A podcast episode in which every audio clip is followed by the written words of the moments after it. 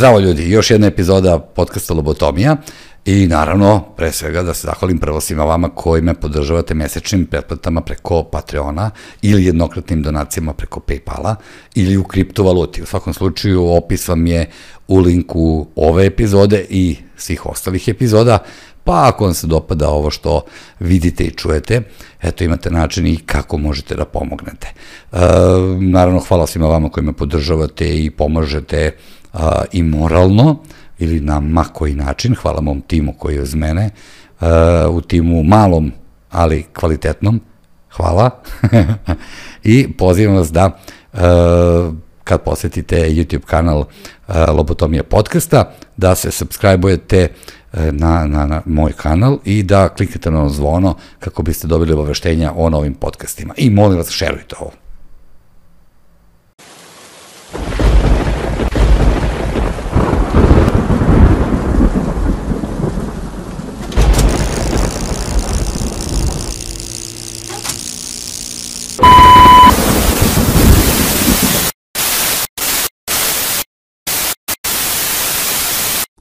Evo, u ovom podcastu imam tu čast da, da preko puta mene ovaj, jedan od mojih uh, kolega, da kažem, uh, čovjek koji je radio na BBC-u, uh, radio na BBC-u na srpskom, na NBC-u, tako, u regionu, uh, neko ko je od 2006. ako se ja ne varam na RTS-u. Kraja 2006. Kraja 2006. Neko ko je kolumnista ovaj, časopisa Vreme, ovaj, Zoran Stanojević, dobro poznat lik, ako ništa drugo, ali sada trenutno čini mi se i urednik internet portala javnog servisa, tako?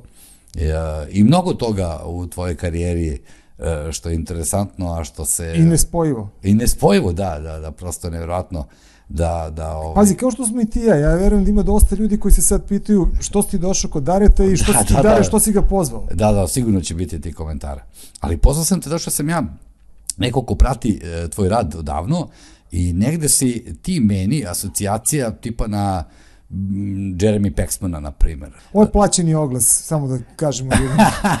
Nije, ali zaista, e, zato što mi e, na našoj, ne mogu kažem, nije to scena ovaj, uopšte u medijima i novinarstvu, ti si neko ko radio gomilu emisija i Oko, i Oko magazin i Uh, tako stoje stvari. Tako I stoje stvari, treći, da. dnevnik drugi, treći i tako drugi dalje. Drugi nisam, treći sam radio. A, tako? Da, drugom, drugom sam jednom samo uh, vodio neki razgovor sa tada predsednikom Tadićem, bilo je kao da ne vodi voditelj dnevnika, nego ajde, da, to tad da. nije bio običaj, pa smo napravili, i to je jedini put da sam onako bio u, u studiju drugog dnevnika, da sam nešto radio, da nije bilo uključenje sa terena. Nekog. Da, da, da. A treći baš jesam, to je bilo onako, baš da. kao ne mogu, Paxman nije vodio dnevnik. Da nije, kažemo, Jeremy da. Paxman je uh, novinar, odnosno čuveni legenda BBC-a i da. vodio je emisiju jednu koja je išla na drugom programu BBC-a ide još uvek, ali on ne radi. Negde, mislim, iza 10, pola 11 recimo je bila i bavila se svim i svačim na jedan potpuno drugačiji način. Da, da. Znači, ozbiljno i političko i svako drugo novinarstvo. I on je uh, onako priličan cinik u u tome yes. što radi i Englezi vole cinike i samim tim je, meni, ja sam ga jako voleo dok je vodio taj Newsnight. I imao sam tu sreću da dođem u redakciju Newsnighta kad sam jedan put bio u BBC, ali nije bila njegova smena. Tako da sam upoznao, upoznao sam uh, uh, čoveka, znači urednika, tadašnjeg urednika Newsnighta i reditelja, video kako njihova redakcija funkcioniše, u to vreme sam uređivao Oko i Oko magazin i meni je bilo uh, onako, ja sam tu emisiju kopirao, znači ja gledam da. šta se kod njih dešava da, da, i da. onda kaže mi ajde da ajde da prob, znači ne može to je kao da slušaš Stonese pa kajmo da sviramo nešto slično. Znači ne možeš baš da budeš, nismo mi Stonesi. Da. Ali negde bolje da slušaš Stonese nego da ne slušaš nikog, da I misliš da si ti bog. I negde smo mi gledali kao ajde ako naučimo da sviramo Stonese, onda i ovo naše će da bude kako treba. To je recimo greška koju sam napravio kao klinac kad sam se ložio da imam bend. Uh, Pa sam tad mislio da ne moram da naučim Stones. A da, da, da. Sad sam odlučio da ne ponovim. Elem, i tad sam bio kod njih i video kao kako oni funkcionišu i sad prvo ti misliš tamo su uslovi ne znam kakvi. Oni imaju šta god pomisle. Nije tako. Znači, mi smo tad imali, na primjer, dve ekipe sa kojima smo radili. Znači, oni su emisija od, ne znam, 50 minuta i to radi iz celog sveta, čuda Bože, svašta rade. I sad ja pitam s koliko ekipa su tri. I ja sam tad bio sa, na Tijanić je bio u, u toj ekipi, nas trojica smo bili, ne, moj glavni urednik i sadašnji Nenad Stefanović i, i Tijanić i sad ja koji njima pričam, eh, kad bi ja imao ovo, kad bi ja imao ono, šta bi ja radio, I oni kažu, čekaj bre, ti imaš dve ekipe, oni imaju tri, ti nam sad nešto tu tražiš. Da, da, da. Znači... Kao koje uslove hoćeš pa, da, više, da, kao to je ali, to. ovaj, stvari u tome da prosto do organizacije, do ideja, ja sam uvek voleo to kad sam pričao sa Englezima i kad oni onda čuju šta i kako, oni kažu, a to je nešto kao Jeremy Paxman, ja rastem. Naravno, nema da. veze, on je čovjek prosto koji ima uh, prvo ogromno političko znanje. Znači, on je zaista uključen tu. O, brat mu je, recimo, ne znam, ambasador neki, znači porodično je to... Pa dobro, njih... on je radio i onaj Breakfast Time, čini mi se... Radio je svašta. da, on ima I tu jednu kao ležernost koju je izgradio Radi neki vremena. čuveni kviz e, za, e, ono, za, da li je za srednjoškolci ili šta, ali on to radi isto. To mu je možda to je i ostalo da radi.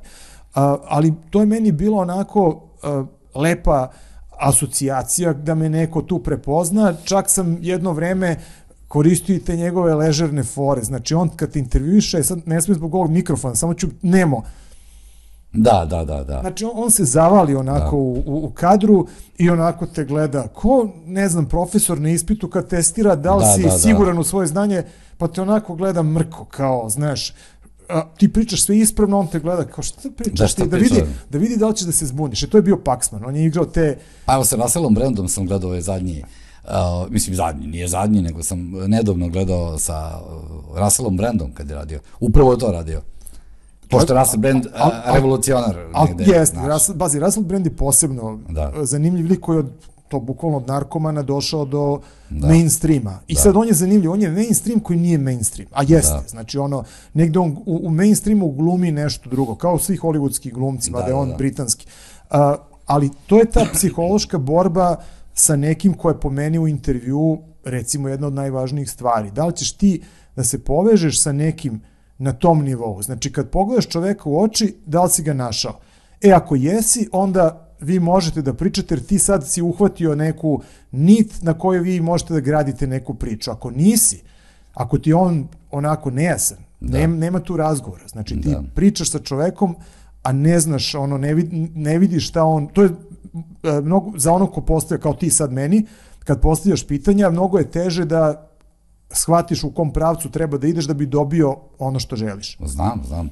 Znam, ovaj, ti si neko ko se, ali ti je neobično kad si eh, sa te strane, neko ko je, kako da kažem, ne intervjuisam, pošto ovo nije intervju, ovo je podcast forma, ja ne mogu ljudima da objasnim da intervju nije uh, intervju, pardon, da podcast nije intervju klasičan. Da to je ne mora da bude, odnosno najčešće nije. Da, to je jedan razgovor, znači jedna priča razmena. o ovome i onom, razmena, naravno. Jer nekada naši ljudi imaju taj utisak uh, E, dobro, to se sigurno događa u emisijama koje ti radiš jer su drugačije e, i koncipirane, uglavnom su političari, gosti i tako dalje, da imaju svoje vreme, na primjer da kažu ili intervju u kojima oni moraju da ispričaju svoje što žele da ispričaju, ali uh, kažu, dobro je što si pustio gosta da priča, ili varijanta kao više priča ili manje priča i, znaš, nikako da ocene, nikako da, da, ne da skapirije, nego mislim da nisu dovoljno samo edukovani po pitanju tih stvari koje traju već godinama negde preko, a koje kod nas tek počinju negde da žive, znaš. Pa, ne, očekivanja su im možda da, da drugačije. Da, da, možda on kad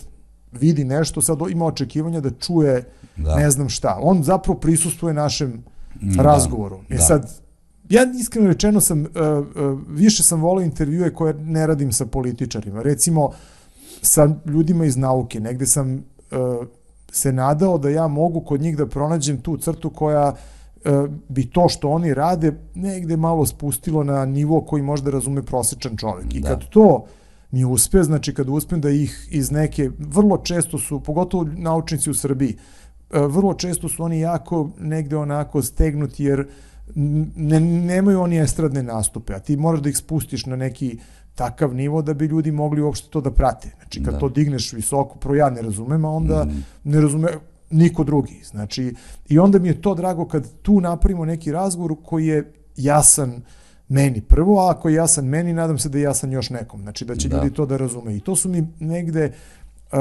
miliji razgovori nego samo sa političarima gde uvek postoji neki, neki zadatak, nešto ti treba u tom razgovoru da ili da saznaš šta će biti ili da saznaš kakvi su planovi ili ne znam ovo ono, a vrlo redko je to sad neko baš saznavanje ili neki otvoreni razgovor gde te, ne znam, sad neko treba da se otvori pred tobom, da kaže nešto onako što nismo čuli nikad ranije. Političari da. su obično jako dobro pripremljeni. Oni imaju uh, već neku jasnu ideju šta oni žele da postignu. Tu on je došao tu za ponekad su i preparirani jer ih neko spremi da, da razgovaraju i da šalju poruke i slično i ti tu redko pronikneš do pravog čoveka. Tek kad prestane da se bavi politikom, onda on može da ti se možda malo otvori. Recimo, kad smo pričali već o Paxmanu, ovaj, on je imao taj čujni intervju da je 16 puta postavio ovome Howardu pitanje, da, da, isto, da. ili 14 puta, pardon, malo sam se zabrao. Isto pitanje, da li je on uticao na nekog e, čoveka to, e, da se povuče sa nekom odlukom. Da ne bih sad širio priču. I sad, duga je priča zašto je to tako bilo. Bilo je između ostalog i zbog toga što su mu iz režije javljali da nemaju spreman prilog iza i da produži razgovor. On onda je uzeo da ga produžava tako jer je shvatio da ovaj, preskočio bi on to pitanje, posle dva pitanja bi on nastavio sa drugim, ali onda je rekao je sad baš mogu da isterujem. Ali ono što je zanimljivo, kad je Paxman radio posljednju emisiju News Nighta, pozvao je ovoga kao gosta i pošto ga je sve vreme u intervju pitao uh, da li ste ga ono uticali na njegovu odluku, sad da ne prevodim tačno, pitanje je tako jednom 15 reči bilo i kad ga je pozvao ovde, razgovor je počeo samo što ga je ovako pogledao i rekao da li ste, odnosno na engleskom da li si. I svima je bilo jasno šta hoće da pita. E sad, naravno, pošto to više nije bio politički intervju, se nasmi opet je odgovorio kao i prethodnih 14 puta, ali vidiš da to da on izlazi iz uloge političara, da on da, sad da, više da. nije čovek koji onako, znači on sad može da priča i slobodnije. E to je to je ta razlika. Ali treba razumeti, političari ne dolaze da razgovaraju o Uh, sad zamalo da kažemo o pticama i cveću, ali to sad postaje politička tema broj 1. Da, da. Uh, oni, oni dolaze da ti nešto prodaju, da oni trguju sa i pokušavaju nešto da ti prodaju. Njima je to posao, a ne razonoda. Tako da oni moraju da budu pripremljeni za svoj posao. I drugima je posao, ali njima je to ključni posao. Tako da nemam tu Ne bih nikome zamerio. A misliš da, da, da evo to, Paxman je, Paxman je ovaj fenomenalan po meni i on to stvarno šarmantno i dobro radi. I ovaj, tako je sebe izgradio, jednostavno takav i lik, e, dopadljiv je. Ali da, da novinar koji uopšte razgovara sa političarima mora da ima tu dozu e, te, te, te drskosti, da može da, da izađe iz okvira tog kako to sad ljudi vole da nazivaju, ne možda će grubo zvučati pristojno ponašanje, ali da, da, da mora da pređe neku granicu da bi to uh, bilo istraženo. Pazi, on je prelazio granice, sad pričamo o njemu, a pričamo o svima. Da. Uh, on je recimo prelazio granice i imao je dosta kako bih rekao, grubih faulova, velikih mm -hmm. grešaka u karijeri o kojima su naravno svi pričali, ali on je to izgradio. To nije palo s neba. Znam, on je gradio dugo dok nije došao do toga da mu se može da ono, ljudi kada dolaze kod njega u emisiju znaju ideš kod Paxmana i, i znaš šta te čeka. Dakle, da. da će on da te trese, da će on da radi ovo, da će on da radi ono, ali on ima podršku publike koja upravo to od njega očekuje koja očekuje da on postavlja takva pitanja, da maltretira sagovornike i sad pristani, ne pristani, vidi šta ćeš kad si došao kod njega. Da. Dakle, ali to je, i naravno imao je uh, podršku javnosti, te imao je podršku unutar BBC-a, ne uvek E, baš nije to uvijek bilo lako i da ne misle ljudi da i njega nisu ribali nikada, naprotiv, bilo je tu svega i svačega, ali negde on izgradio taj svoj imidž i onda je mogao to tako da radi. I nije to lako izgraditi, jedan je taj bio, znači on je bio jedan takav da. na BBC-u, nisu i na drugim televizijama u Britaniji, nisu imali još jednog paksa, njih bilo mm, pet, da, pa kao, da, da. nego je bio jedan, ni u Americi ih nemaš previše. Znači, e, e, ljudi koji rade politički intervjue u, u Americi su ili jako klasifikovani, znači levo i desno i tačno znaš i pritom se traži da bude što radikalniji. Malo je bilo onih koji su bili mainstream, recimo bio je pre koliko je to, pre deseta godine umro iznenada Tim Russert koji je vodio najstariju političku emisiju Meet the Press koji ide nedeljom pre podne u, u u, Americi i on je bio taj neki onako, da kažemo, vrlo umeren, ali baš onako da te pritisne. Mm -hmm. Znači, on je na fin način, finim rečima, bez nekih, ono, bez neke drame, ali on bi te pitao, najlepšim tonom bi te pitao, to uporno bi insistirao na nečemu, ali aj mi reci još ovo, aj mi reci još ono. I on je ljude otvarao upravo time što nije napadao, nego što je bio onako negde smiren i imao je veliko razumevanje za sagovornika. I sagovornik se onda malo opusti i kaže da, ono da. I, i možda i malo više nego što je planirao i da. tako. I zato je bio odličan. Šteta što je na on je od srčanog udara umro i meni je to ja sam njega redovno gledao jer sam to je bio još neko od koga sam onako učio kako to sada napraviš dobar intervju, a da ne bude uh, intervju kome ti, ja, Paxman je malo i taj tip, onako, da, da, da. Uh, šta ja znam, drčni, ja sebe ne doživljam, niti sam volao da budem taj koji, mislim, mogu ako treba, ali ne volim prosto. Meni bi ležalo njegov uloga, razmišljam nešto. bi, ali bi negde morao da, uh, kako bih ti rekao, uh, kod njega je to samo deo da. toga što on radi. Znači, nije dovoljno da budeš drčan i da pa, budeš naravno, ono, naravno. nego moraš da, to moraš da iskoristiš kad treba a inače treba da tačno znaš i kad treba da budeš povučen. Pazi, da bi to imalo smisla, ti moraš da uradiš neku takvu stvar tek kad si izgradio u razgovoru da, da. trenutak i onda sad idemo sa tim, tim jačim. Kao što i u boks meču, znači da, ne, da, da. nećeš ti u boks meču da kreneš odmah od novo, da, ono pa kad da. malo u petoj rundi, kad on malo vidiš da mu je gard, pa e onda Ajde sad da vidimo. A misliš da kod nas možda a, a, novinari, stvari, ajde, držat ću se a, e, voditelja, a, e, ovaj, a, e, da oni malo više žele da se dopadnu a, svojim sagovornicima, odnosno političarima, nego a, tom narodu koji bi možda mogao da bude na toj strani. I evo, kod Paksmena je slučaj da, da ga ljudi obožavaju.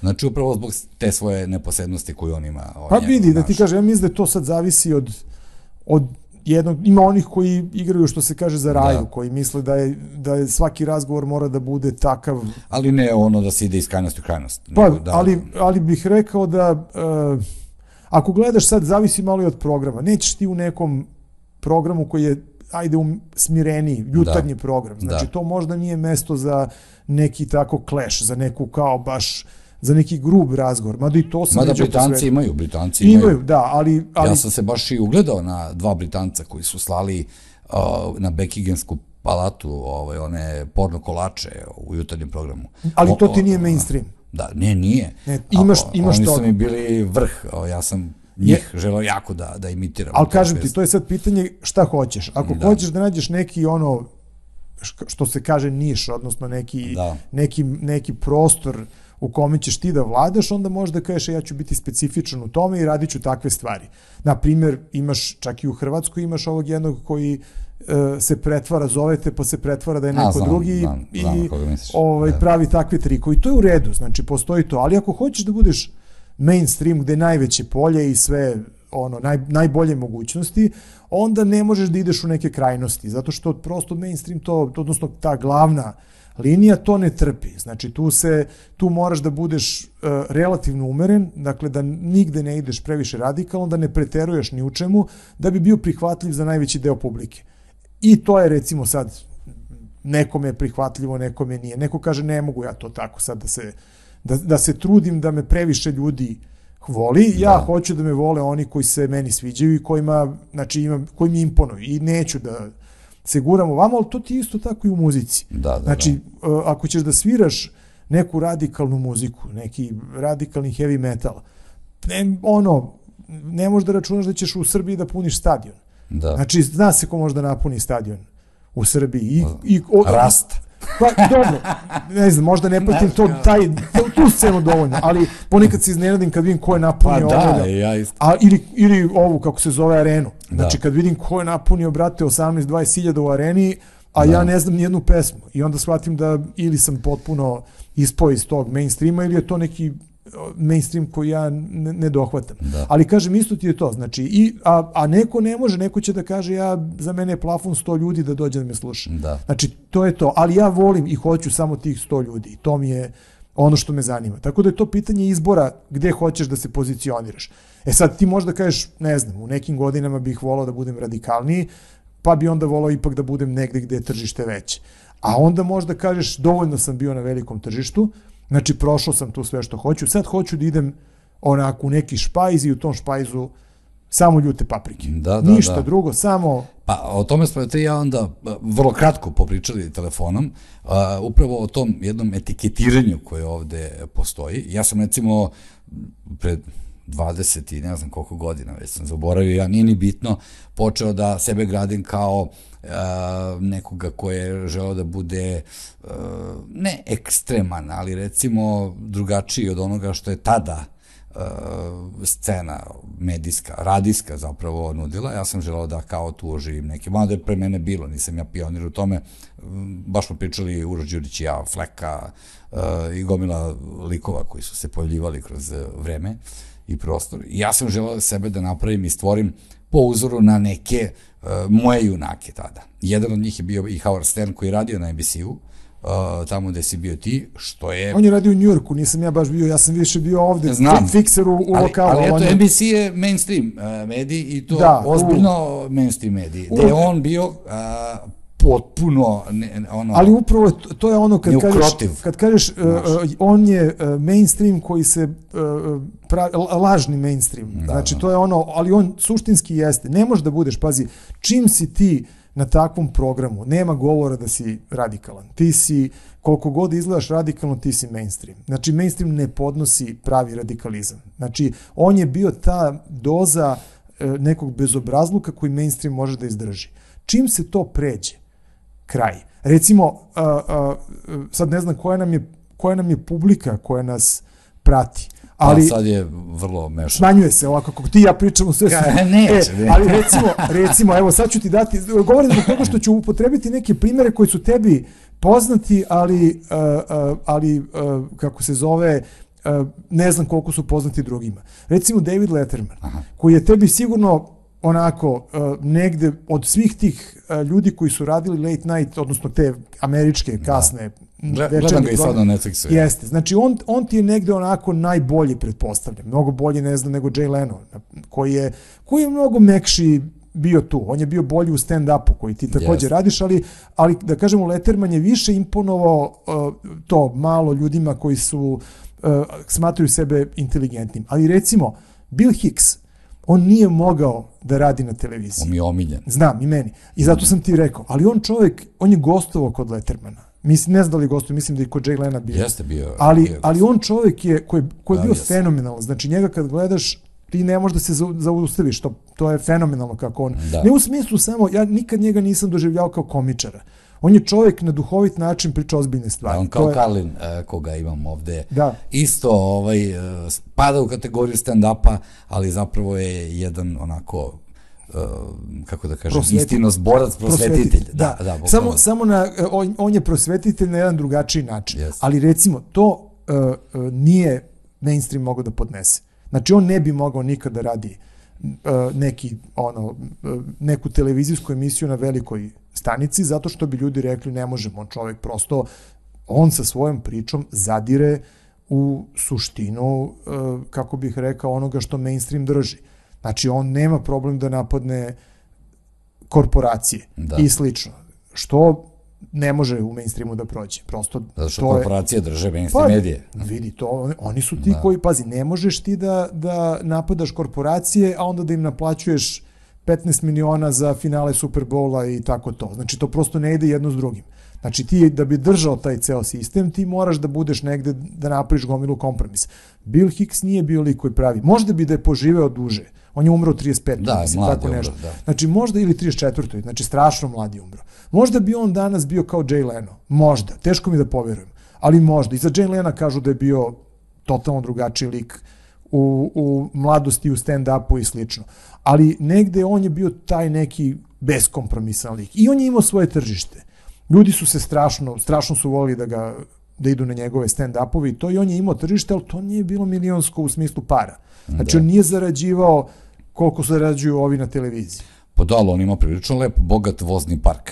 On skuplja automobile. Ne govorim za Jay Lena, govorim a, za, za, za Billa Hicks. A, Bill Hicks, ne. Znači, Jay Leno, je, da. Jay Leno su abnormalne pare. Da, da, da. Ali, e, recimo, sad ćemo stvarno pretiramo s tom pričom, ako kažem, ja se sećam jer sam bio, na, još sam bio u vezama sa NBC-im kad su, je, kad su Conana O'Briena da. ovaj, skinuli sa koji je zamenio Jay Lena i onda se Jay Leno malo po vampiri odlučio se vrati, što se u suštini ne radi. Kad jedan put odeš iz nekog programa koji si, kome si bio sve i svja, ti se ne vraćaš. Kad daš nasledniku, znači ne možeš da kažeš, e, ne može sad Papa Benedikt da kaže ja sam se predomislio, ja bi da se vratim malo, da budem ponovo Papa. Gotovo je. Znači, e, a ovo je to uradio. On je iz te neke penzije odlučio se vrati u taj glavni slot i, i potero je, potero je Conan O'Briena, tako da on jeste uh, negde, Conan O'Brien nije imao gledanost koju ima Jay Leno. Jay Leno je ono što svaka američka porodica, to je nivo i, i domet humora koji prosječna američka porodica može da podnese.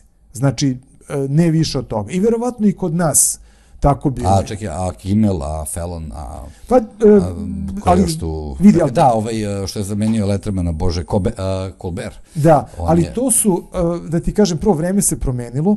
Da. U vreme kada su bili ovi, ti nisi imao YouTube. I nisi imao toliko. Znači, to nije ni, ni blizu isto. Ja volim jednu priču, to sam isto na YouTube gledao, Paula McCartneya, -hmm. kad je, uh, uh, mislim da je bio možda, da, čini mi se baš kod Lettermana. I onda je pričao kad je gostovao, kad su bili Beatlesi, neka, znači 90, ova, 64. peta, i kaže, on čeka da uđe, da li je to bilo kod Eda Salivena ili kod ili baš u, u ovome Tonight Show kod ovoga Boba Hope-a. Mm -hmm. Treba da uđe da peva Yesterday. I sad stoji tamo, čeka kod zavese i uh, lik ovaj koji ga pušta, pita ga, bijeli dečko, kao ili imaš tremu? Pa kaže, ma, kako tremu, kao, ja sam ono, da. Beatles, mislim, ono, svirao sam pred publikom koliko hoćeš puta. Ovaj mu kaže, pa treba bi da imaš gledati 80 miliona ljudi. I ovaj, i, i sad, i na to Letterman reaguje i kaže, e, otprilike, nije to više, nemoj da imaš nikakvu frku, nismo više u tim ciframa. Znači, u vreme kad su bili uh, kad su bili ti, znači negde 90. Da. Još uvek je to bila, iako je bilo tih svih drugih kanala, još uvek su ovi glavni njihovi tri i po networka da, i da. dalje, odnosno tri, tad ni Fox nije ni postojao. Uh, I dalje su ta tri, ABC, CBS i NBC, to je bilo to. Ja kad sam počeo da radim za NBC tamo 92. onda su meni ljudi, ti koji, s kojima sam radio, njihovi novinari, govorili, ja, kasno si došao. Kaže, pre 10 godina negde, znači 80 ili 70, kaže mi bismo iznajmili ceo sprat u hotelu. Onda bismo, uz, šta god hoćeš, znači mi smo bili kao a, a, da nas finansira štamparija para. Da. Znači, tad, ali tad nije bilo čak ni ovih drugih kanala. I znači sav novac je išao tu.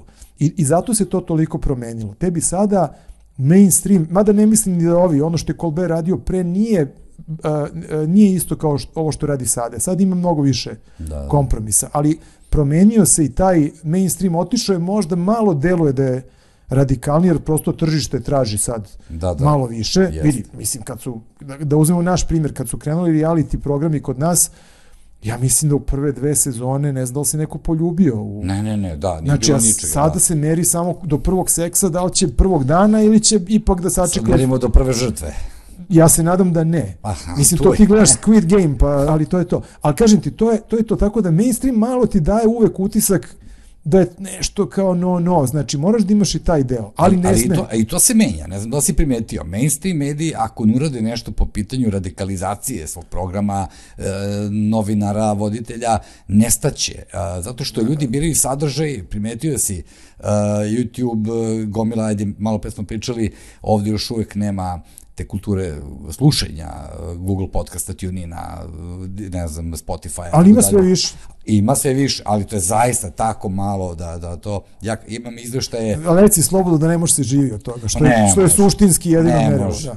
kad ne bude može. moglo, znači da. kad budeš moglo da kažeš uh, uh, ono, ja živim od od toga nešto, i da. to kad kažem da živim ne od da preživljam nego da, da, da, nego da imaš jednog bregu da. znači jed, rock and roll je postao u, u, u Jugoslaviji uh, stvar koja ima nekog smisla onog trenutka kad je Bregović mogao da kupi Jaguara od, od te svirke. Da. Do tad je to bilo onako kao neka se deca igraju, ali kad je, to, onda je postao posao. Da, znači da. kad je neko rekao, je vidi, ovaj može da kupi stan, kuću, sve živo, je to je onda postalo jasno da to nije neko mladalačko igranje, nego da to postaje ozbiljan posao. E tako i ovde. Da. Kad budeš imao jednog koji živi fenomenalno od, od ovoga što radiš, onda će gomila onih ispod moći da živi pristojno.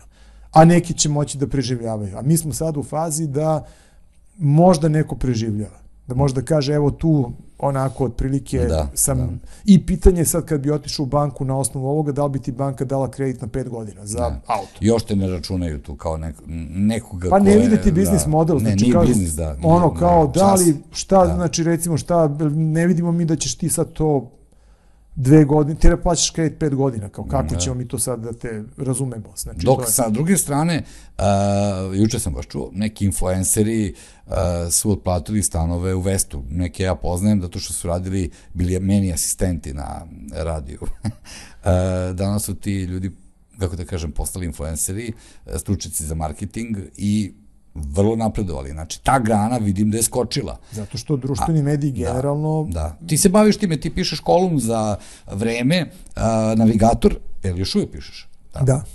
I ovaj, Evo sad, prošlo je 20 godina. Da, mnogi ljudi ne znaju, mnogo ljudi ne, ne zna o tebi zapravo ništa, osim onoga što vidi na RTS-u i posmatruju te kao novinar. Čekaj, malo li je to što vidi na RTS-u? Ne, to... vidite dosta njih, ali, ali ne znaju ništa o tebi. Oni ne znaju da si ti crtao stripove za, sa 16 godina. Oni da, ne, za, naš, uh... da, i to, to vidiš, to kad si spomenuo, ja, ja sam u, u medije, odnosno u novine došao tako što mi je prijatelj uh, jedan koji je bio grafički urednik u večernjim novostima, preporučio mi da ajde kao to što crtaš odnesi u ovaj pritom to crtanje moje bilo usputno ja sam se bavio nečim sasvim drugim nekom nekim dram bio sam u nekom dramskom studiju koji se zvao Škozorište i gde sam onako bio prilično aktivan I usput sam volao da crtam, nisam nikakav crtač, ali sam negde imao neku ideju u tome i to mhm. se razlikovalo jer je bilo ljudi koji su fenomenalno crtali, ali im je nedostajao scenario, priča im je nedostajao, ali su mogli da te nacrtaju što se kaže kako stojiš. Ja sam bio obrnuto. Ja sam imao toliko da mogu da nacrtam gliste, tako se moj strip zvao, i da to bude nešto duhovito. Crtež je bio totalno naivan, ali me čovjek rekao idi tamo ponesite tvoje crteže pa vidi nešto. I oni mi to prime objavljuju mi u omladinskim novinama te crteže neko, neko vreme i onda sam ja ne znam tako negde napisao neki tekst i oni vide da ja zapravo bolje pišem nego što crtam. Da. A klinac sam za svima simpatičan onako i onda su me polako uvlačili u to, davali mi da pišem, ja tu nisam imao nikakvih limita i vrlo brzo sam počeo da pišem rock kritiku. To mi je bilo Aha. onako... E, taj deo nisam pa, znao. Znaš zašto? Zato što e, kad imaš te godine i još se pališ ti da nešto sviraš, pa nisi da. neki svirač, ali imaš smatranje o svemu. Znači, sve, sve je tebi. I naravno, kad imaš 17, 18, kako to je bilo vreme kad sam ja pisao i počinjao da pišem rock kritiku, prva stvar je naravno ništa ne valja. I onda je sve bilo, znači sve je bilo ovaj, ovaj, ovaj pogrešio to, ovaj je loše, ovi su smešni, ovo. Ali to je u omenskim novinama kasnije nono, to je nešto što ta publika traži. Da. Ta publika traži tog nekog onako koji da, da, ne, da, ti da. sve ništa ti ne valja, pa da, to da, čitaju, da. pa se smeju, pa, pa kao nije se puno promenilo danas, odmah ti kažem. Pa ne znam, nisam ne, pratio. Ne, nešto se tiče rok kritike, što se tiče bilo kakve kritike. Pa recimo Još možda. ljudi uh, se vrlo redko odlučuju da pohvale nešto. E vidi, a, ali to je meni bilo, recimo ja sam, kako sam onda odrastao pišući to sve, znači ti se menjaš malo, odem u vojsku među vremenu i onda vidiš da recimo, uh, meni je tu bilo kad sam malo sazreo, onda vidim, čitam Jovana Ćirilova pozorišne kritike ili uopšte kritike koje on pisuje i kažem kako je moguće da ovaj čovjek uspe da napiše nešto, da ti da ti kaže, znači da jeste kritika, ali da nije rekao ni jednu ružnu reč ili da nikome nije rekao ništa ružno. I onda kažeš, čekaj, znači može se piše kritika i na drugačiji način, da ima smisla, ali da on nikoga nije onako baš što se kaže nabadao. Da, da, nego je da to pokopao. Pa ne, ne, da, zaista. Da. Znači onako i nego piše na jedan fin uglađen način, ali ti razumeš da li je dobro ili nije dobro. Ali negde nema, znači čak i onaj ko je iskritikovan, on to ne doživljava kao poniženje. Ja kad sam imao 17 i 18 godina, meni je glavna ideja bila da kritika bude poniženje. Naravno. Znači da kažeš, ma ovaj se, ne znam, osim kad dođu neki stranci pa treba da im se divimo i da pričamo Da, da, kao- kako su ono, brate, Kako na srpskom poželao dobroveče. Ma ne samo pazi, nisam bio baš taj nivo, tako ali ono, svirao je, znaš, naučiš neke pojmove, Da, da, da, znaš da. malo o instrumentima, upotrebiš neku frazu, ali ono zašto sam to krenuo da pričam nije da bih sad razotkrivao sebe, nego da kažem da u to vreme a, a, a, Fleka, odnosno Mimir Grujić, bio a, jedan od ljudi koji su radili u tim a, omladinskim novinama, odnosno Nonu, i on je bio grafički urednik, ne stalno, ali je povremeno on uređivo i on je meni bio uh, u to vreme jedan od idola. On je čovek o muzici znao puno. Da, on je slušao da. neke druge ploče. Znači, on nije slušao ono što, što mi slušamo. Da. Znači, on, on je, od, pazi, dobro, to je bilo vreme kad si morao da imaš ploču neku prvo da bi mogo da je Da, slušaš. jest. Znači, nije bilo ono da uključiš, bilo, ne, znači, nije MTV postojao.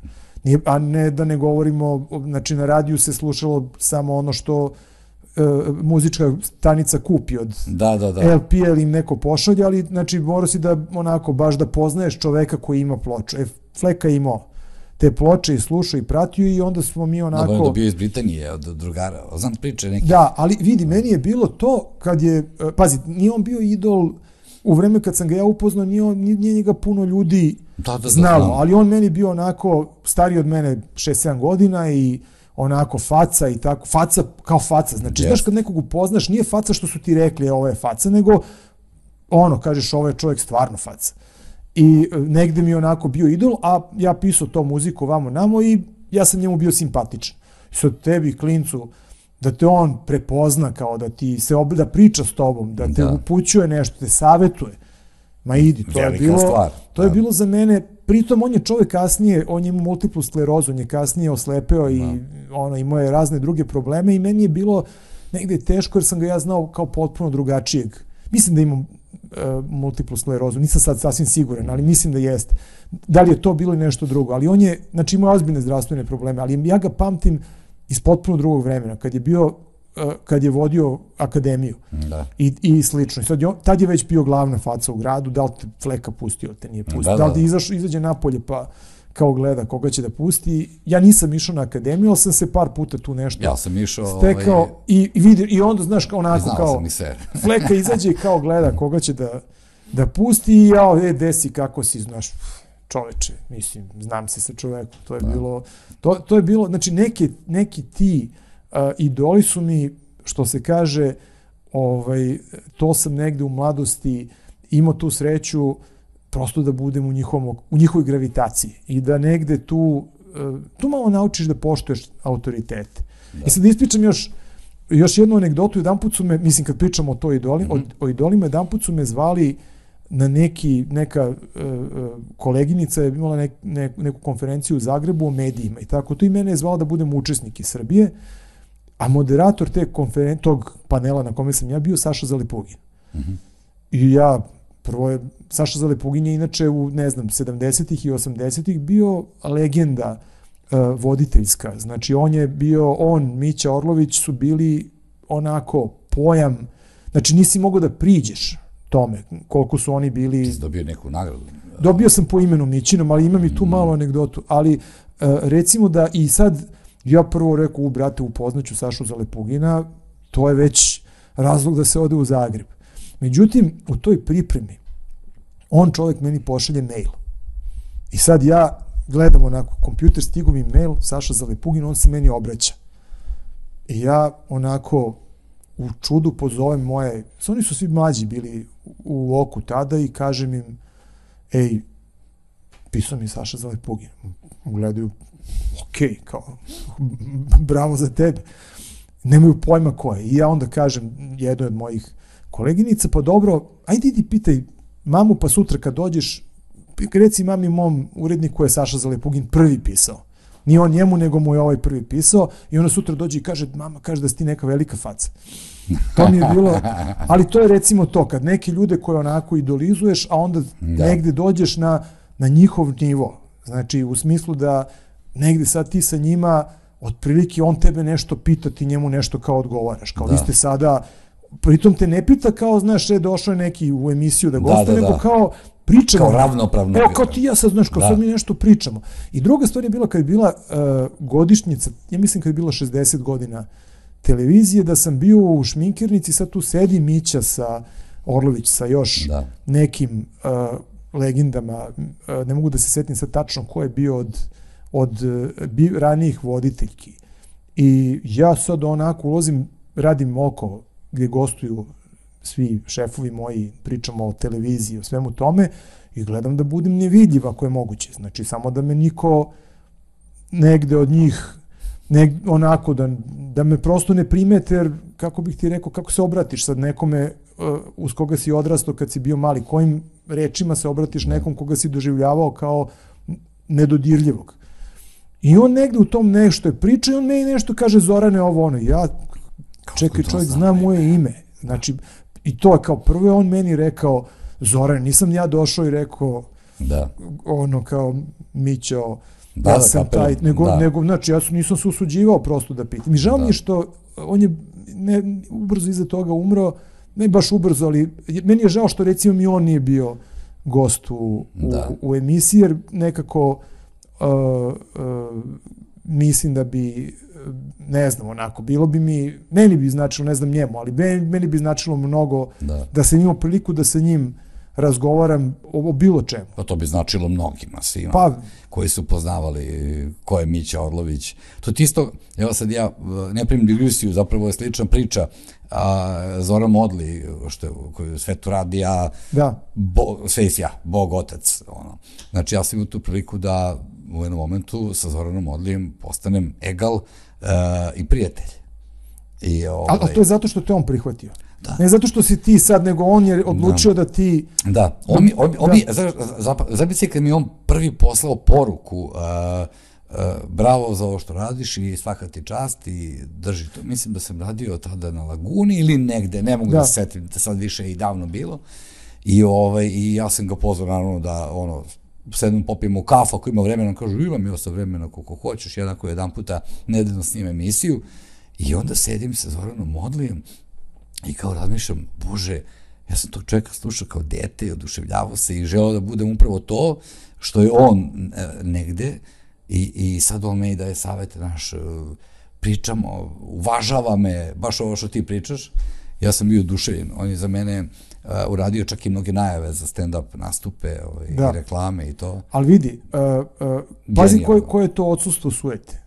Da on da. prvo ima potrebu da, da, pozove i da smatra da, da ono kao... Sam ja za njega, mislim... Ne, da, ne mislim, meni je on po tom pitanju bio potpuno fantastičan, da. znači kao neko ko... Pa takvi je, su veliki ljudi, da, po meni. O, dobro, on je bio naročit, Jasne. posebno, znači ja bi njega izdvojio ovaj, zbog toga, prvo što je mnoge stvari izmislio. Da. Znači nešto što nije postojalo kod nas, Jasne. on je prvi prvi napravi. On je pionir Syndicate radija, on je da. prvi koji je pričao, on je prvi DJ zapravo da, pravi. Da, on je, on je za, za naše da. pojmove, on je, on je to uh, izmislio i druga stvar koja je meni bila impresivna, uh, on je čovek uh, radio, dakle on je sam DJ-sao i radio sve yes. živo i to je radio i kako se tehnologija promenila. On da. je prihvatao novu tehnologiju, znači nije se zaustavio i rekao, je, ja Nije sam, ovo za mene, da, da, da. Ja sam dovoljno, znači ja sad mogu da znam ovo analogno, ovo ne bih. Ja, ne, on je čovjek da. prvi uvodio, on je puštao kompjuterske programe yes. za Commodore. Sećaš se da smo narazivali uh, ovaj, kasete sa onim da, i on kaže sad ćemo da pustimo yes, i sad ti igrice, snimaš igrice da, koje on pušta. Neke, znači, da. pazi, ko je to ludilo, puštaš one zvukove. Princi u... sigurno ne znaju čemu pričamo ti i ja, da. tada nije bilo ovako kao sad. Jeste, ali da. kažem, zato, zato je on negde da. E, neko ko je onako, e sad, e, kako bih ti rekao, opet je to bilo neko ekskluzivno vreme, mi smo svi, imao si par stanica i onda si mogao da slušaš da. Zorana Modlija jer on bio poseban drugačiji onda si čekao njegove emisije yes. da bih slušao. On imao je demo top, ja to znam kad sam bio klinac i ložio se da sviram, ja sam uvek slušao koji su to sad prošli da. kod njega u demo topu, šta je to što je sada u trendu i treba da ja se... Ja sam Diskomer obožavao Slobu da. Konjevića. O, da, on je bio, uh, još da. uvek, jel kažem, on, yes. je, on je bio poseban, znači to je kad imaš jednoga koji stvarno je bio na svetskom nivou. Znači yes, yes. neko ko je, koga bi mogao da staviš u bilo koju svetsku stanicu i da se ne osramotiš. Yes. Da kažeš, ovaj ne odudara od znači mi smo imali tu sreću da e, ne samo da smo imali takve ljude nego da su oni bili prepoznati u sistemu koji im je dozvolio da rade uopšte, da budu negde, da nešto menjaju. Nije bilo lako u, u, u sistemu koji je bio dosta rigidan kao što je bio socijalizam. Da. Znači nije bilo lako sad da neko dođe da, da radi nešto što taj sistem treba da prihvati, to znači da bude drugačiji. A negde ti, ne znam, bilo dovoljno da se nekome to nešto kao ne svidi, da on okrene telefon i da kaže što sad ovo ovako i da sad tu krene čitava frka, kao zašto je sad ovaj zvao, pa mu nešto smeta, pa šta da radimo, pa kako to sad da, za, za, neće nam dati da radimo ništa. Znači to je bio baš, baš jedan onako rigidan sistem koji se onako negde polako oslobađao. Naprimjer, sad imamo 40 godina novog talasa i to je bila onako, jed, to, je, to je bilo snažno oslobađanje od, mislim da je negde to bio pravi odmak od Titove da, da. epohe. To znači sad kreće nešto, tek kad je novi talas krenuo, ja ne znam da li bi to bilo moguće da je on bio još živ. Da li da. bi neko rekao, ajde da pustimo ove, da Pa možda bi, pa, možda bi i pustio, ko pa, zna. Ne znam, znaš, poklopilo se pa je teško da, reći, ali da. meni ono, negde razmišljam se uh, u, u to vreme kad su verovatno hteli da mu se dopadnu, sad ti imaš pesmu Krokodili dolaze. Da. Moje su nebo vezali žicom. I sad to bi razni bi rekli ma to ne može kao to, šta hoćeš ti time da kažeš. A ovako, pošto je to već bilo, nije se znalo šta se sad dešava, onda je to prolazilo. Ali recimo, par godina ranije, dugme tu nije prošlo uh, to, a koji mi je moj. Da, da, da. Znači, pazi, on je čovek imao stih, da ne kažem ovaj drugi, uh, a on je bio kopile i jad, uvredit će se neko i dan danas. Ali koji mi je moj su oni smatrali da ne može, to nije prosto, ne sme psovka u pesmi Bijelog dugmeta koji će da slušaju milioni. Znači može buldožer. I može Bora Čorba. Je. Bora Čorba, ne može, on... ne može ni Bora Čorba. Bora Čorba nije, on je imao ona dva stiha u, u uh, kako se zove, uh, na zapadu ništa novo, za koje, ali to je već bilo posle 80. A do 80. Bora nije mogao baš, znači imao si rock and roll za kućni savet i to da. i nije mogao baš da, da to je bio početak kad je on počeo tu malo da se otima. Dobro, ali pakovao to u, kroz neke... Pa nije, ali on je u vreme akustičarsko njegovo i suncokreta sve, on je, da, da, da, on je ljubav, bio i on da. je ušao u riblju čorbu da malo se pomerio toga da bude tvrđi nego što je bio, ali, ali tek posle novog talasa i on krenuo da se ozbiljno otvara. A Bregović nije mogao to od 77. 8. kad je izašla Bitanga i princeza, to je bilo nedopustivo, ne može prosto, ne možeš da imaš da. psovku zato što se smatralo to sad sluša svako i šta to znači, to je, nije moglo da prođe komisiju. Tako da je on morao da izbriše to. Znači sad to kad nekom je pričaš, ali opet da kažem, buldožer je imao svašta.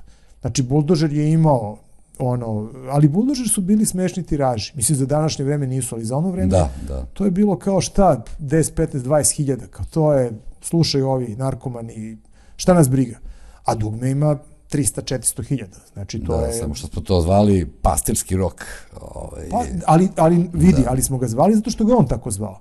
On je prvi, on je, e, ako se sećaš ovih omota, ploča, on je sliko se sa jagnjetom nešto, da, znam, jaho znam. konje, znači u Borikama tim nekom selu, tamo oni spremaju album, jedu ne znam kajmak i Surutku i ovi njegovi iz benda su posle pričali da je to bilo maltretiranje kao daj bre, ili odvedi ih na radnu akciju. Da, ja sam to slušao kao dete, baš kao dete, mislim kad kažem dete, mislim na ono 8-9 godina, ono, tada nam bilo interesantno, mislim da je Bebek tad bio da, da. u to vreme, ovo je, pošto sam ja 73. Pa da, Bebek 100%. Ali posle kao tinejdžeru mi to nije bilo interesantno. Pa to što niti dugme bilo reper u životu, nisi ti odrasto u tom smislu na dugmetu. Da. Znači kad ti dugme, ono, kad prođeš uh, pubertet, ono što si slušao u pubertetu, to ti je. Znači, ta te muzika... Da, pa ja sam i dan danas veran to. Pa ne vidim, ja baš gledam to šta kod tebe stoji na... Nisam još uspeo sve ni da ovaj, okrčim, slabo imam domaćih tu, ovaj, ali, ali sam neke... Pa dobro nek poklone. Sa nekima sam imao čas da pričam, ne sam još i dotkrivam. Pa ne, mogli su da donesu, da kažu, dare vidi, ovde bi moglo da stoji to i pa, to. Pa mogli su, ali ja do svega moram da dođem drugačije. Zamisli ti neko, ne, ne znam, da ti neko da uh, paket aranžman, otisak, onaj originalni s kojim su Znam. radili i da kaže, evo, to je muzejska vrednost, stoji da. tu i ljudi gledaju. Uradio sam jedan intervju koji će tek biti objavljen, ovaj, Da, već je objavljen. Pošto se ovo snima, malo više ljudi misle da to snimam svake nedelje zasebno, ne, zapravo snimam onda kada je neko u mogućnosti. Da. Tako da, evo, bio mi je Gile ovaj, iz orgazma i nije mi donao paket aranžman i čuo sam bar pravu priču da zapravo oni nisu uopšte htjeli jedni s drugima da snime taj paket aranžman, da nisu baš bili oduševljeni a, tim spojem. Ovaj, oni koji su slušali sad ovaj, E, i to, tu ima, vidiš, da, da, si, da, da dolazi Gile iza mene, tu sam mogu da ti kažem, mi, mi smo radili, uh, samo da se setim koja je to bila godišnjica, mislim da je bilo 30 godina, pre 10 godina, paket aranžmana i mi smo za Oko magazin radili o tome. I Gile je bio jedan od sagovornika, bili su bile, Gile, ja mislim, Koja i Nebojša Krstić, da su njih trojica pričali kao svako iz po jednog benda, I Gile je rekao, tad Milan Srdić je radio koji je sada dopisnik iz Novog Sada i Gile mu je rekao da je, kad ga je pozvao da priča o paket aranžmanu, kaže ja sam, ne znam, da, danas prvi put posle 30 godina slušao tu ploču. Znači preslušao je uh mhm. -huh. celu ploču jer kao ide da priča o tome pa kao da se podsjeti. I onda je on se dosta povoljno izrazio o tome, kao bio je baš e, prijatno iznenađen kako to zvuči u tim, verovatno vrlo primitivnim uslovima kako da. je snimljeno. I, da, ko zna kako su se pa, dobijali. Da, ja mislim da su snimali kod Denca Lesića, yes, koji je bio privatni studio, ali to tad nije moglo se poredi sa studijima koje su imale, ne znam, radio, televizija Srbija, ko će da. njih da, da pusti tamo gde se ozbiljno se snima i sad treba da daš nekim klincima, kasnije jesu, ali da. u tom trenutku je bilo, evo, dobro vam je i ovo. Znači, tu je bilo onako kako bih rekao, i međutim, to, ta energija koju su oni imali, to se osjeća u toj, na toj ploči. Da, Sad kad je slušaš, ali to je to, oni su to, oni su to izmislili. Kao što je Mića Orlović izmislio kako se vodi dnevnik. Da, da. Znači sad ti možeš da ono, možeš ti da probaš da uradiš nešto drugačije, kao sad ću ja pobegnem od toga. Ali suštinski to je to. On je postavio standarde i ti sad uh, od tih standarda možeš levo ili desno, ako odeš predaleko nećeš se dopasti svima, ali to je to. Ako možeš da se približiš tom standardu, to je super. Da, e, tako i ovi. E, e, RTS recimo drži, e, pošto poznajem dosta ljudi sa radio Beograda i uopšte celu tu priču, e, i dalje se drži nekako ovaj, tih e, starih postavljenih granica od kojih ne ostupa. Nekako, čini mi se da ne prati ovo vreme, o, ovaj iskorak u, u budućnost. Pazi, znaš. možda to ima svojih i dobrih i loših strana. Ja pripadam onoj struji koja bi srljala u budućnost. Znači, ja bih da. voleo da uh, mi radimo mnogo toga modernijeg. Da, može da bude i spoj, kao staro i novo. Pa i, i to bi bilo lepo, ali suština je u tome da ti moraš da imaš to, javni servis kao medij koji je prihvatljiv za sve. On, uh, kad to kažem, to ne znači da svi uživaju u svemu što vide, ali da otprilike uh, da, da pokrivaš najveći deo ljudi, ajde da kažemo neko jelo, koje svi mogu da jedu. Možda nije svima omiljeno jelo, ali kad ga poslužiš, ali je prihvatljivo. Ne znam, da. ćevapi, pa kažeš da. nisu ono, možda nisu ni najbolji ćevapi, ali otprilike ajde, možda vegetarijanci ne jedu. Nešto nešto tako što bi Viš kako je Pa imaš, da. Vegan svima, svima izaći u susret i sve. Ne, ne, to je nemoguće. I, i niti treba da pokušaš, ali je bitno da kažeš, evo recimo kad se pravi, ne znam, slava, pa da, da. kažeš evo proja, to će svi da. moći da. da ako nije sa sirom pa da neko posti ili ako nije posna slava, projućemo svi da pojedemo kao to nikome ne smeta. Znači to mora da bude. E onda možeš, onda daješ prostor drugima da mogu da budu radikalniji zato što imaš taj, tu bazu neku. I, I to je to. Znači ne možeš da očekuješ, e sad u vreme to, e, recimo taj počet, početak 80-ih, tebi je tada, pošto nisu postojali drugi mediji, malo radio, Studio B i 202 po neka emisija, da E onda ti je, to je teško razumeti sada šta je značilo ko, kad su moj drug Boris Miljković i Tucko uh, napravili te uh, prve emisije koje su bile potpuno drugačije. 202 bila... E, ali, ali na televiziji da ti se pojavi novi talas. Znači, to je sad ogromna stvar. Znači, pre toga ti gostuje, vazi, mislim, bila je ovaj, uh, uh, znači, mogla je u tim emisiji, bila legendarna priča kad je Darko Rundek gostovo u nedeljnom popodnevu i pevao je, uh, ja mislim da je pevao Moja prva ljubav, nisam, da, mislim da je to pevao, i sada ne pokazujem gest rukom, nepristojan je i dalje, podigao je ruku, srednji prst u karakterističnom položaju i tako je 5-6 sekundi kamera ga je snimala, valjda nisu ni oni ukapirali odmah šta Koji prst je u pitanju, da. Sutra svi, znači svi su samo o tome pričali. Znači to je bila tema ma mislim, tema, ajde mi klinci, tema medijska, znači šta je uradio, pazi, to je jedan gest. Da. Bio, rekao bi čovek kao šta sad to je, a sad možeš da radiš što šta je sad ponekad ako je potrebno, ako je zgodno politički da se upotrebi, onda to može malo da se istakne. Da, da, da. da su toga pravi slučaj, ali suštinski nije problem. Svašta može da. da se kaže po raznim medijima, ali i dalje ono, u mainstream medijima se ne očekuje. Uh, mora da postoji neki nivo i pristojnost, ali kažem, to je zbog toga što i, i tu imaš dosta, tu Kad dosta gubiš. Kad mainstream mediji, ja jedino vidim RTS tu kao pa, mainstream da, mediji, ostali ali, ali opet ću da kažem, da ne bude sada, priča. Da, da, znači, svestan sam ja toga da, da mnogi će reći, ma to, ja to ne mogu, meni je to, znači, zato što neki ljudi prosto traže, ono, meni traže ljuto. Da, znači, da. ja hoću, meni to nije ljuto, ja tu ne vidim nikakav ukus i oni traže ljuto, ali ne vole svi ljuto. Većina ne voli a ti moraš da zadovoljiš, znači kad negde neko jelo nudiš, kad praviš restoran, ti moraš da imaš jelo koje će svi da jedu, a onda može da bude i jedno koje je onako stripa pričice. Da. Vidi, ja imam jednu, ono, uh, kako bih rekao, moj posao često, upravo zato što sam prepoznatljiv kao čovjek sa javnog servisa, mene ljudi, znači gde god da sam na ulici mogu da zaustave i da mi kažu šta god im se ne sviđa ili sviđa.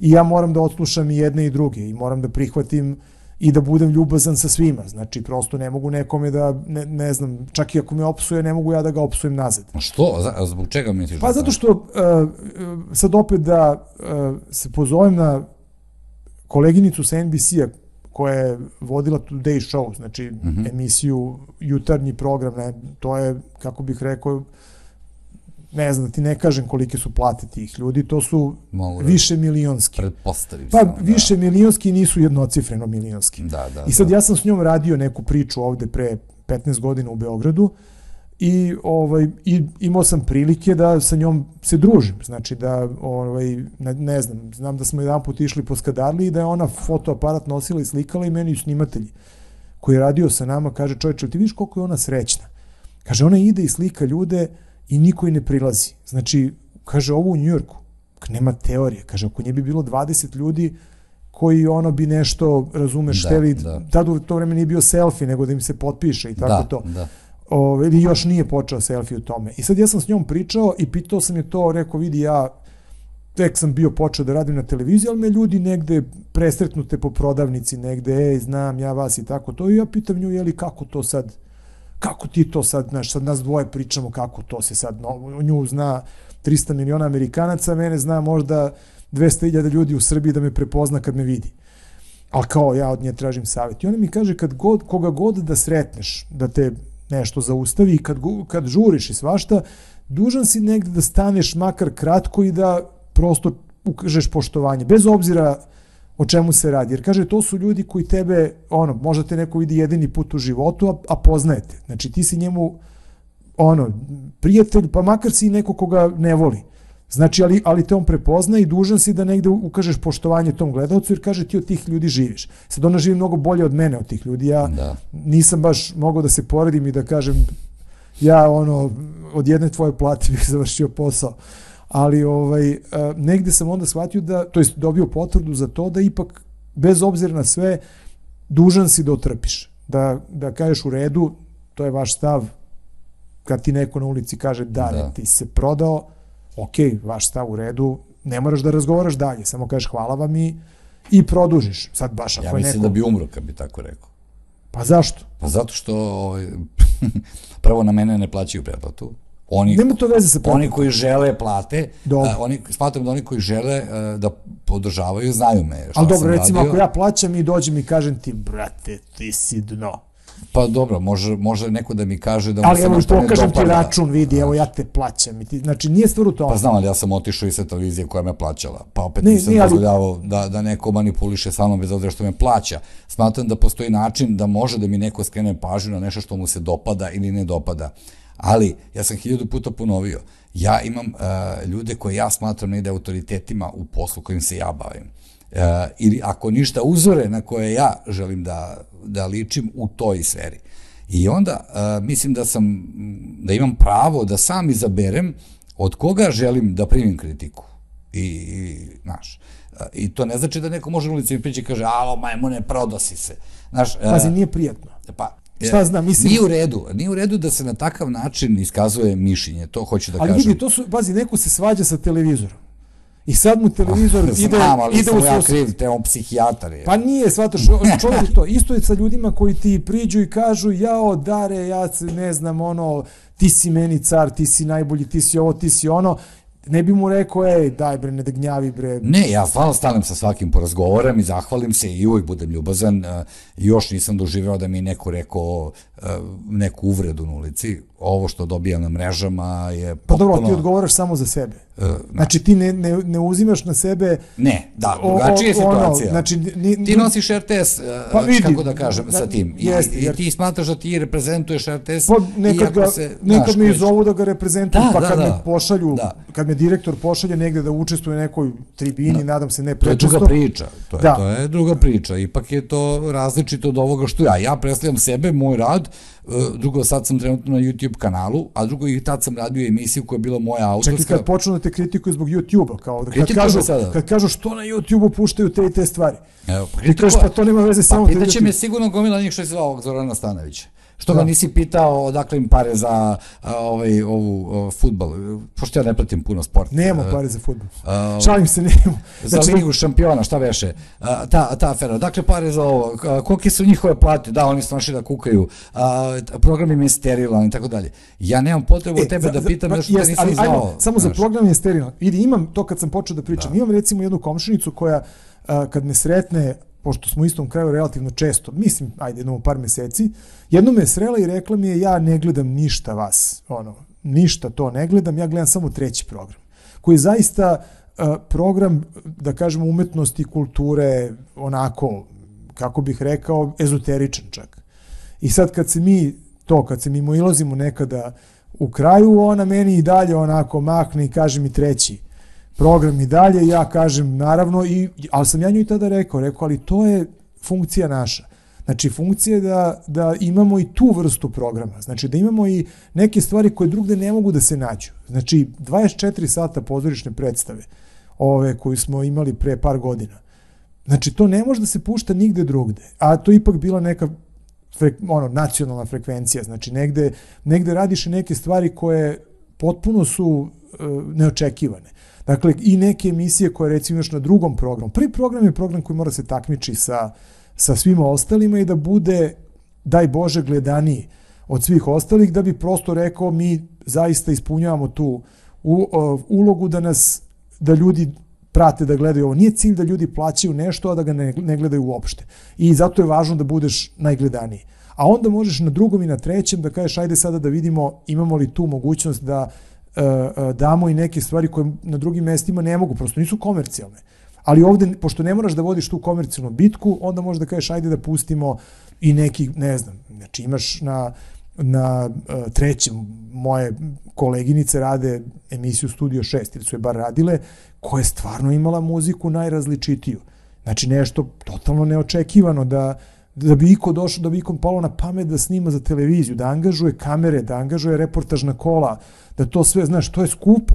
Ne isplati se. To, to... Ma ne, pratim sva tri programa RTS-a, naravno, nego jedino, jedina moja zamerka je to što, recimo, BBC, NBC, sad ako se poredimo... Ne, te, te dve kuće nisu za poređenje. Dobro, ajde, BBC ću uzeti samo za primer, pošto mi je BBC nekako od uvek, od kad smo bili klinci, nekako... Pojam. Pojam, da, drugo bio sam i ja na jednom seminaru BBC-a gde je bio gospodin Mark Story koji nas je učio ovaj, a, tom ponašanju pred a, mikrofonom i a, davao razne savete, kako to, do duše, to su bili saveti iz BBC-a nekih 80. godina. Dobro, još, puno toga još stoji. Da, i on je čovjek koji je podigao Absolut radio, Virgin radio i tako dalje, mnoge radijske zvezde tamo koje žive kao bogovi, za razliku od nas gde je sada to poremećeno potpuno. Ajde i nemamo negde prave zvezde, izgubile su se. Ovaj, zbog politike opet proklete, a, je, je rekao jednu stvar kao, a, u stvari nisam te da ispričam to, ali ajde kad sam već počeo, da je dobar voditelj u smislu radijski, onaj koji zapravo polazi od sebe, da se približavaš narodu, da, da. da te narod doživljava kao... kao A možda da znaš ko je narod. Upravo to. A što se tiče BBC-a i RTS-a, oni su izašli e, iz okvira studija. E, RTS i dalje ostao nekako kao radio na televiziji. Dosta emisija imate ono naš e, u fazonu kao pano, dve stolice, tri, nije bitno, gosti i, i priča. Isto kao ovaj moj podcast konkretno. Ja mogu da ga puštam uh, audio, nikakve razlike ne postoje. Pa nije, vidi se ekspresije, vidi se svašta, pa, znači mnogo velika razlika. Pa to da, ali, ali, ali u principu oni imaju mnogo više tih emisija, ti si bio i reporter, da, ako ali, se ja ne varam. Jesam, da. jesam, ali vidi, uh, to je, kada već spominješ što Tijanić ima običaj da kaže kako mu dolaze ljudi sa idejama i kažu on je, on je voleo uvek da, da karikira stvari i kaže imam odličnu ideju za emisiju. 100 čaš, flaša kisele, dve čaše i ja pitam sagovornike te i te, ne znam, političar, nešto što ih nikad niko nije pitao. I kaže, takvi mu dolaze svaki dan sa tim otprilike konceptima da. kao 100 čaša kisela i slično, a on je tražio upravo to što ti govoriš, ili imaš da. neku ideju, znači dva su ti problema, jedan je to što to košta. Da. Znači, budžet BBC-a ti je... Ne, shvatam. Ono, ali nije samo to. Druga stvar je i da imaš takve ideje, a ideje koštaju. Znači, one nisu isto jeftine. Nije ti lako, kad imaš neko ko je stvarno toliko dobar i menja stvari u, u jednom takvom mediju kao što je televizija, taj brzo nađe put za negde dalje. Da, znači, ne, da. negde te dobre ideje se prepoznaju i u svetu. Tako da... Pa evo ti emisija Top Gear, ti znaš sam da. koji su oni budžet imali To, dobro, to je, ali to je neuporedivo. Neuporedivo. Znači, Jeste neuporedivo. Ali ja mislim da sa mnogo manje novca može da se napravi nešto kvalitetno ako se a, a, ovaj, malo, kako da kažem, preskoči ta stara škola montaže, ako se malo vidi kako to rade kolege a, preko, pa se malo iskopira nešto za početak, dok to ne, ne uđe negde malo i u krv. Vidi, ali ajde da ti kažem jednu stvar. Zamisli sada emisiju da. gde ja kažem, uh, vidi, ja bi da napravim emisiju gde ćemo da, da uzmemo 10 novih telefona, mobilnih, i onda ćemo da ih, ne znam, odšrafljujemo, razbijemo, radimo šta god, da, da vidimo šta su sve njihove mogućnosti, koliko oni mogu. Pazi, ti sad treba da uložiš, da kupiš, recimo, daš 10.000 evra za te telefone su mi rekli ispred normalan. Kao, znači, ne, ja treba naterati možda te kompanije da one ulože to. Ma neće. Oni Siguran će, sam ja da nisu oni baš vidi, razbijali. Neće, neće. Oni su, ne, ne, jesu, oni su para. kupovali to. Znači oni su kupovali te automobile jer uh, ne smeš da dobiješ uh, na poklon od od kompanije, jer se onda smatra da ta kompanija ti je nešto uslovila. I oni su imali na testiranje one neke automobile koje su uh, ovaj vozili, da, znači isprobavali, to je drugo, ali neki koji su oni kao testirali, to je moralo da bude, znači nije smelo, znači mora da bude jasna granica između reklame i e, pravog testa. Znači nije smelo da se desi da e, neko pomisli kako, znači one koji su razbijali, stvarno su razbijali. Da, znam. Znači one koji su testirali, verovatno su im, bila čuvena priča kad je, ovaj, kako se zove, kad su otkrili ko je Stig, ne znam da li si gledao tu epizodu. Na, tu nisi. E, pa nisi, to je epizoda kada je, kad su testirali Mercedes. I, ovaj, I onda su rekli u ovoj epizodi ćemo da vam konačno pokažemo ko je Stig. Tajni vozač vamo namo i zaista ulazi Stig u belom onom odelu sa kacigom i sad Stig skida kacigu. Znači, malo pre su ga gledali kao kako vozi Mercedes ono, na tom testu i on skida kacigu Michael Schumacher. E, ja mislim da se, ali ja sam mislio da je to ne, kao fore u tome, fake. Da, da, fake, ne, da. fake jer su oni hteli da. da, ali stvari u tome, on je zaista vozio kao stig u toj epizodi jer Mercedes nije hteo da da auto. Nekom drugom. Nije hteo da da njihovom vozaču. Oni su rekli uslov da biste dobili ovaj da Mercedes da probate je da ga vozi Schumacher. Jer to nećemo mi, znači mi hoćemo pokažemo njegove mogućnosti. A to može samo Schumacher da, da pokaže, da, da, da. a ne može da pokaže vaš vozač. Dobro, ali su to vešto odradili. Isto pre ideja. Ne, i... onda, su, onda je ovaj, kako se zove, uh, Jeremy Clarkson, Clarkson da, da. da. Jeremy Clarkson je onda onako kao sav se ko Zoran Redmilović, bukvalno ko, kao ovaj, bukvalno onako se iznenađivao, a da, da, da, li je moguće, pa da, da, da ono kao, ko bi rekao i tako, to i to je bilo jako zabavno. Ali ti si primetio da u njihovim emisijama dođe Clarkson i kaže, kakav je auto, pa ja ne mogu da uđem ovde, ovde je sve tesno, e, ti misliš da bi neko platio, da bi neko dao svoj auto ne sa bi, ali šta bi se dogodilo? Pa sigurno bi da ta kompanija tužila za tako nešto. Pa ne mogu da ga tuže, ne, nego bi oni rekli, čekajte da se dogovorimo prvo, ako vam dajemo auto, uslovi su da ne sme pa, ovo, ne sme ono. Da, ali bi uvijek to bi bilo kod nas, recimo. Kod nas da, ja znam, ja sam imao neke ponude da radim jednu emisiju sliču tome. I naravno da se ništa nije od toga ostvarilo, zato što upravo zbog tih stvari... Pa vidi, ali oni, oni tamo ćemo prodaju... samo da hvalimo ovaj, i, i da, znaš, to je onda... I da misliš i da kažeš, e, pa, pa sad da. ne znam, ovde nije vam baš na ruci. Znaš, menjač je, znaš, riba ili nije udobno, znaš, nije, nije za duga putovanja. Kad budemo znaš. prodavali kola pro, prosed na hiljadu ljudi, koliko da. se prodaje recimo u Britaniji, onda možemo tome da se nadamo. Znači, kad to bude taj, ne, ne da bude u tim opštim brojima, nego A, proporcionalno. Ovo je više, kako te kažem, moja priča je metaforična zapravo. Mene zanima kad će neko da smogne hrabrosti, pa da izađe, da, da, da malo razmišlja izvan te kutije i da pokuša da malo rizikuje. Znaš, ne rizikuje kad, kad se... neko bude hteo to da finansira. Da. Recimo, kad bi neko tebi rekao, evo, dare, daćemo ti pare da napraviš to što si zamislio i nećemo ti postavljati uslove, to nisam još čuo, i pustit ćemo te da to napraviš, šta će to biti, ali koji je interes tog da ti da, ne znam koliko bi ti para da. tražio da napraviš, ne u smislu da bude tvoja plata, nego da budu troškovi, recimo emisija to, ne znam čemu, motorciklima, kao što je da. ovaj, da, da kažeš sad ono, svakog, u svakoj emisiji predstavljamo, kupujemo i sređujemo all time. Ali, ne, ja polazim od svake emisije. Evo ako je kuvanje u pitanju, imamo kuvara sa čašicama spremljenim, Iako imamo sada 24 Kitchen, imamo razne kanale gde vidimo onog lika što jede od Bubo Švaba do svega, onaj Bucko, zaboravim se kako se zove. Ja, to je Bucko. Uh, da, on ne bira. A imamo ovoga, bože, Jamie Olivera, imali smo Anthony Bordena koji je to radio fantastično. Ne, mi i dalje imamo studio, kuhinja, devojčica, dečak, tegli, one časice, sve je spremljeno, ovo, ono, dajemo recept, kraj piče. I tako već, ja imam 48 godina. Znači, sigurno sam da je mnogo duže. Misliš od Steve Karapanče? Pa od Steve Karapanče, pa i to je bilo interesantno. Ono. Ali to je bilo to što nije bilo ništa drugo. To je bilo prvi put da ti Bila pokazuje. Bila je vegeta i to, ali nekih stvari ima. Da. Znaš, mislim, ajde da, da, da kažemo da je to čak bilo interesantno tada. Ali sad je 21. vek i dalje na istom podešavanju. I to svuda su prihvatili. Kako neko ne izađe iz tih granica, jebote, i napravi nešto kao Jamie Oliver ili kao Anthony Bourdain, pa ne putuje po Srbiji. Pa, e, skupo je. Tetka poređa ovako na, na, na, na e, ali stol. pazi, skupo je, je skupo? skupo je, pazi, ideja je skupa. Daći mi ja lov. Ne, ne, ideja, ideja je skupa i e, e, ako to treba da bude serijal, znači treba da napraviš godišnje 30, 25 recimo epizoda, da, da nađeš 25 tih nekih situacija ili da imaš nekoga ko je zaista takav komunikator hrane, da možeš da ga pustiš i da će on to, znači nađi takvog i imaš sve. Pa dobro, sigurno sam da postoji neki scenarij iza toga. Znaš. Da, ali moraš da imaš čoveka koji to ume da izvede. Znači, moraš, bazi, nije Jamie Oliver slučajno to što jeste, nije. niti Borden.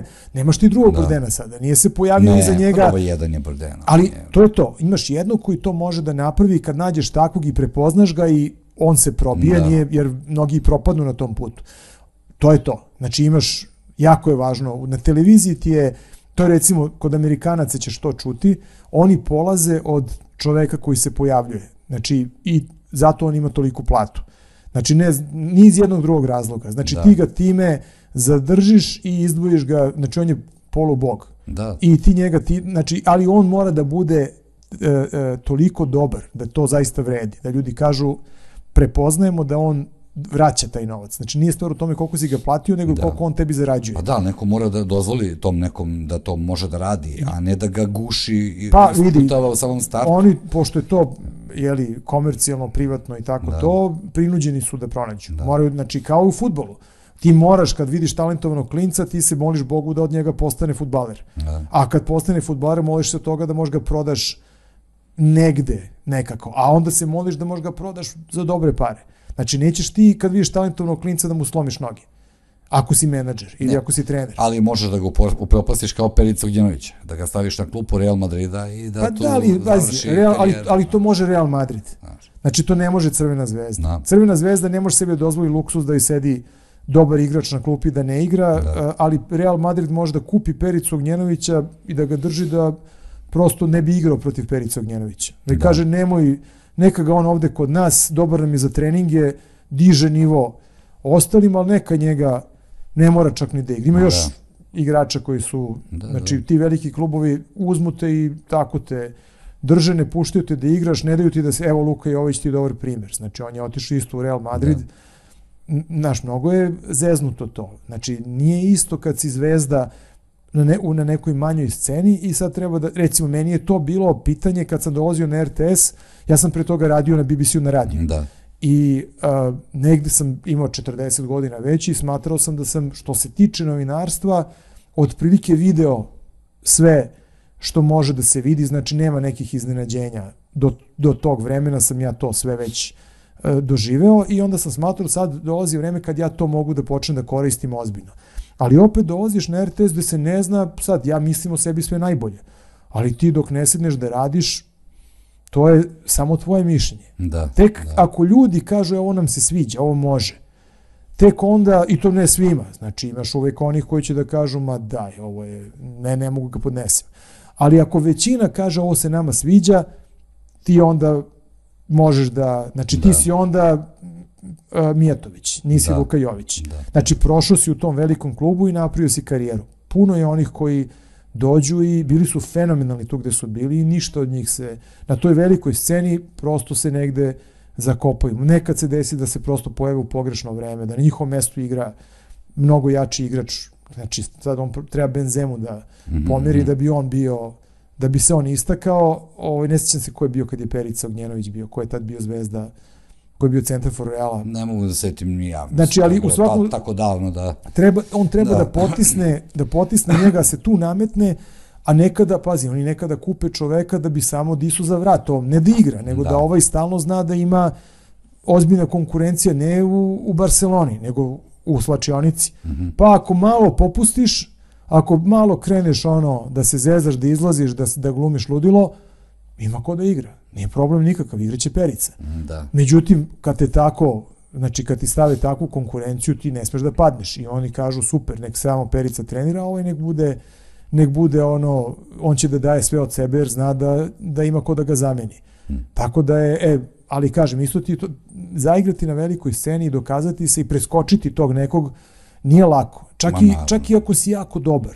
I mnogo je nezgodno kad se ispred, ispred tebe namesti neko ko o, prosto teško ga je zaobići, teško ga je, teško ga je skloniti, a ti si baš za tu ulogu i potrošiš par godina najboljih da, svoje, da. ne, u bilo kom postu. Da. Par godina... A i potrošiš se, umeđu vremenu se potrošiš. Pa ne, čim ne radiš svoj da, posao, da. čim, znači glumac koji ne glumi da. Hamleta, rođen da. je za to, ako ne glumi to u, u godinama kad mu je najbolje za Hamleta, on kad to prođe, on gotovo je, znači neće ga više zvati, kazaće pa nije više, ti nisi više za, sad možete zovemo za kralj Lira, ali to, to, me, to me nisi dobar. A ovde si bio fenomenalan, si prosto došao u vreme kad je, ne znam, igrao Laurence Olivier, pa nisi prosto kako tebe da stavimo preko njega. Znači, to je prosto, neko se i rodi malo ili se pojavi negde ovaj, u, u pogrešno vreme. Da. Ja još mogu da, da zamislim uh, na RTS-u je publik, odnosno publika koja gleda RTS i mi zapravo, pošto je to javni servis, uh, sigurno i ljudi koji kontaktiraju javni servis, odnosno gledalci, pogotovo sad u ovoj eri a, političke korektnosti, toga da se svak uvredi zbog nečega.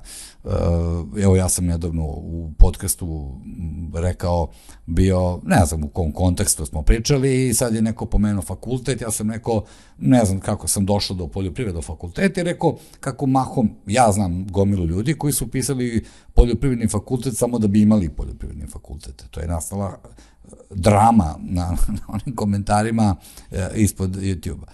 Ljudi su danas postali preosetivi na sve. I onda jednostavno, em imaš tu sputavanje, znači, od strane koja ti dolazi kao, kao publika, em imaš tu neke urednike, glavne odgovorne, šefove, direktore i tako dalje, koji ti ne dozvoljavaju baš da, da, da igraš najbolju igru koju, koju ti najbolje igraš. Jeste, ali vidi, to ne bi mogao da kažeš na RTS-u takvu stvar.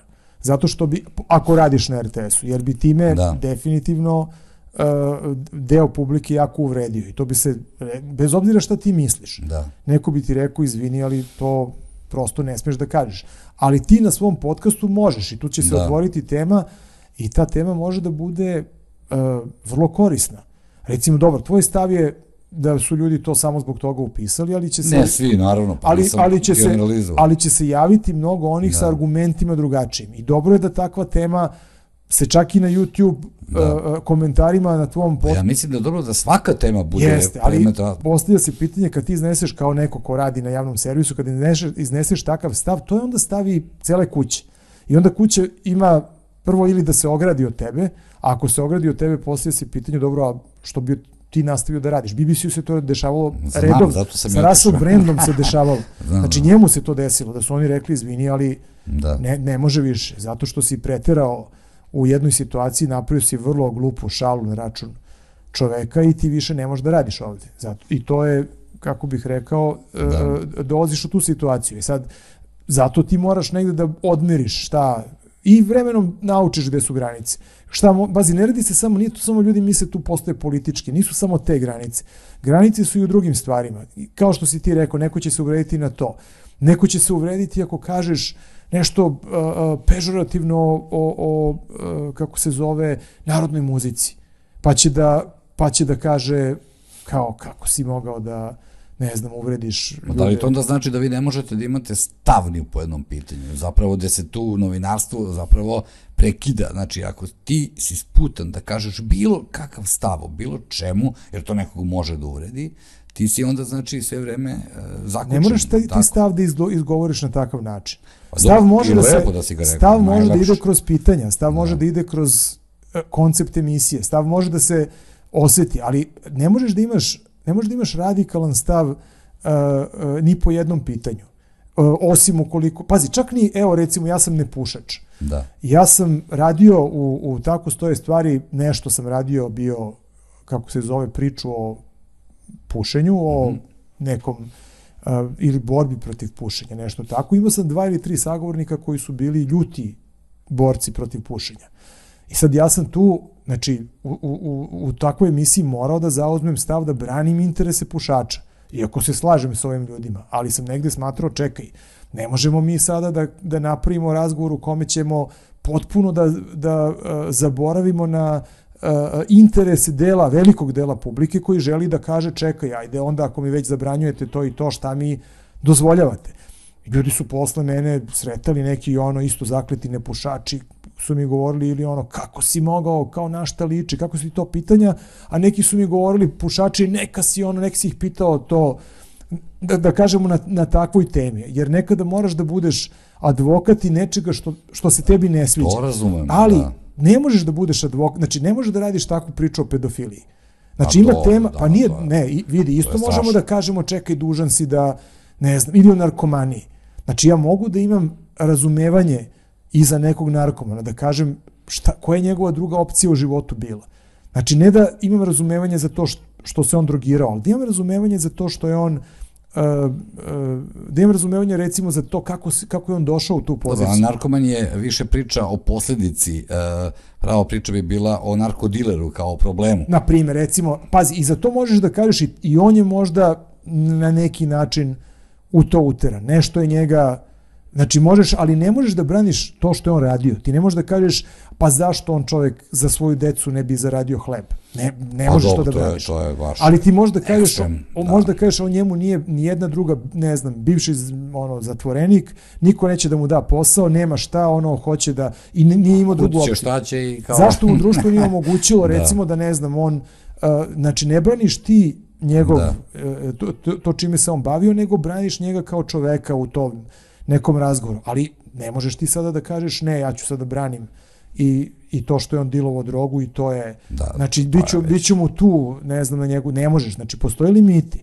Znači, ne mogu da kažem to da... To je ekstreman primjer. Ne, ne, ne mogu da kažem to sad ni, ni, e, ni za koga da generalizujem nešto i da smatram da to može da prođe. Dobro, znači, a da li možeš da postaviš pitanje koje je jako nezgodno, Ako umeš da ga postaviš. Da. Svako pitanje možeš da postaviš ako umeš da ga postaviš. Da. Ako, ako uh, priđeš sa te strane da se čovjek ne osjeti uvređenim i pogođenim.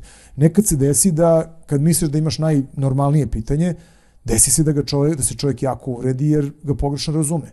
Meni se to dešavalo. Znači da ja mislim da sam nekom postavio, čak da mislim da sam mu postavio pitanje koje mu ide na ruku. Onako kao sad sam ti baš dao šlagvort, da, pa da ti onako možeš da odgovoriš, niste u pravu Da. Potpuno suprotno. A čovjek to razume kao kritiku.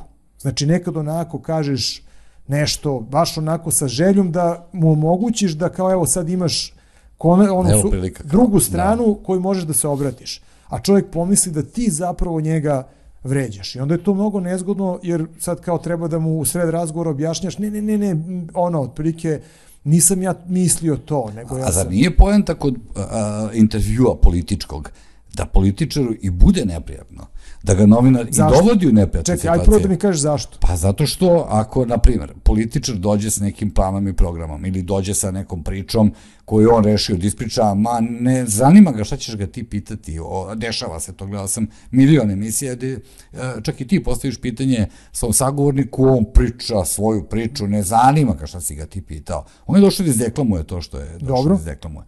I ako ti, uh, kao novinar, kažeš, na primjer, ja se izvinjam, ali niste mi odgovorili na ovo pitanje koje sam vam postavio. Da, možeš to da uradiš, na naravno i treba to da uradiš. Da. Znači da kažeš, ali ono, negde nismo dobili taj odgovor. Da. Sad, da. naravno, možda kažeš, sad ću baš na tome da insistiram da. ili ćeš da, pazi, meni je bitnije da ako sam ti postavio pitanje za koje, koje si da. izbjegao da odgovoriš, ja te vratim na to da, da. pitanje, ti izbegneš ponovo.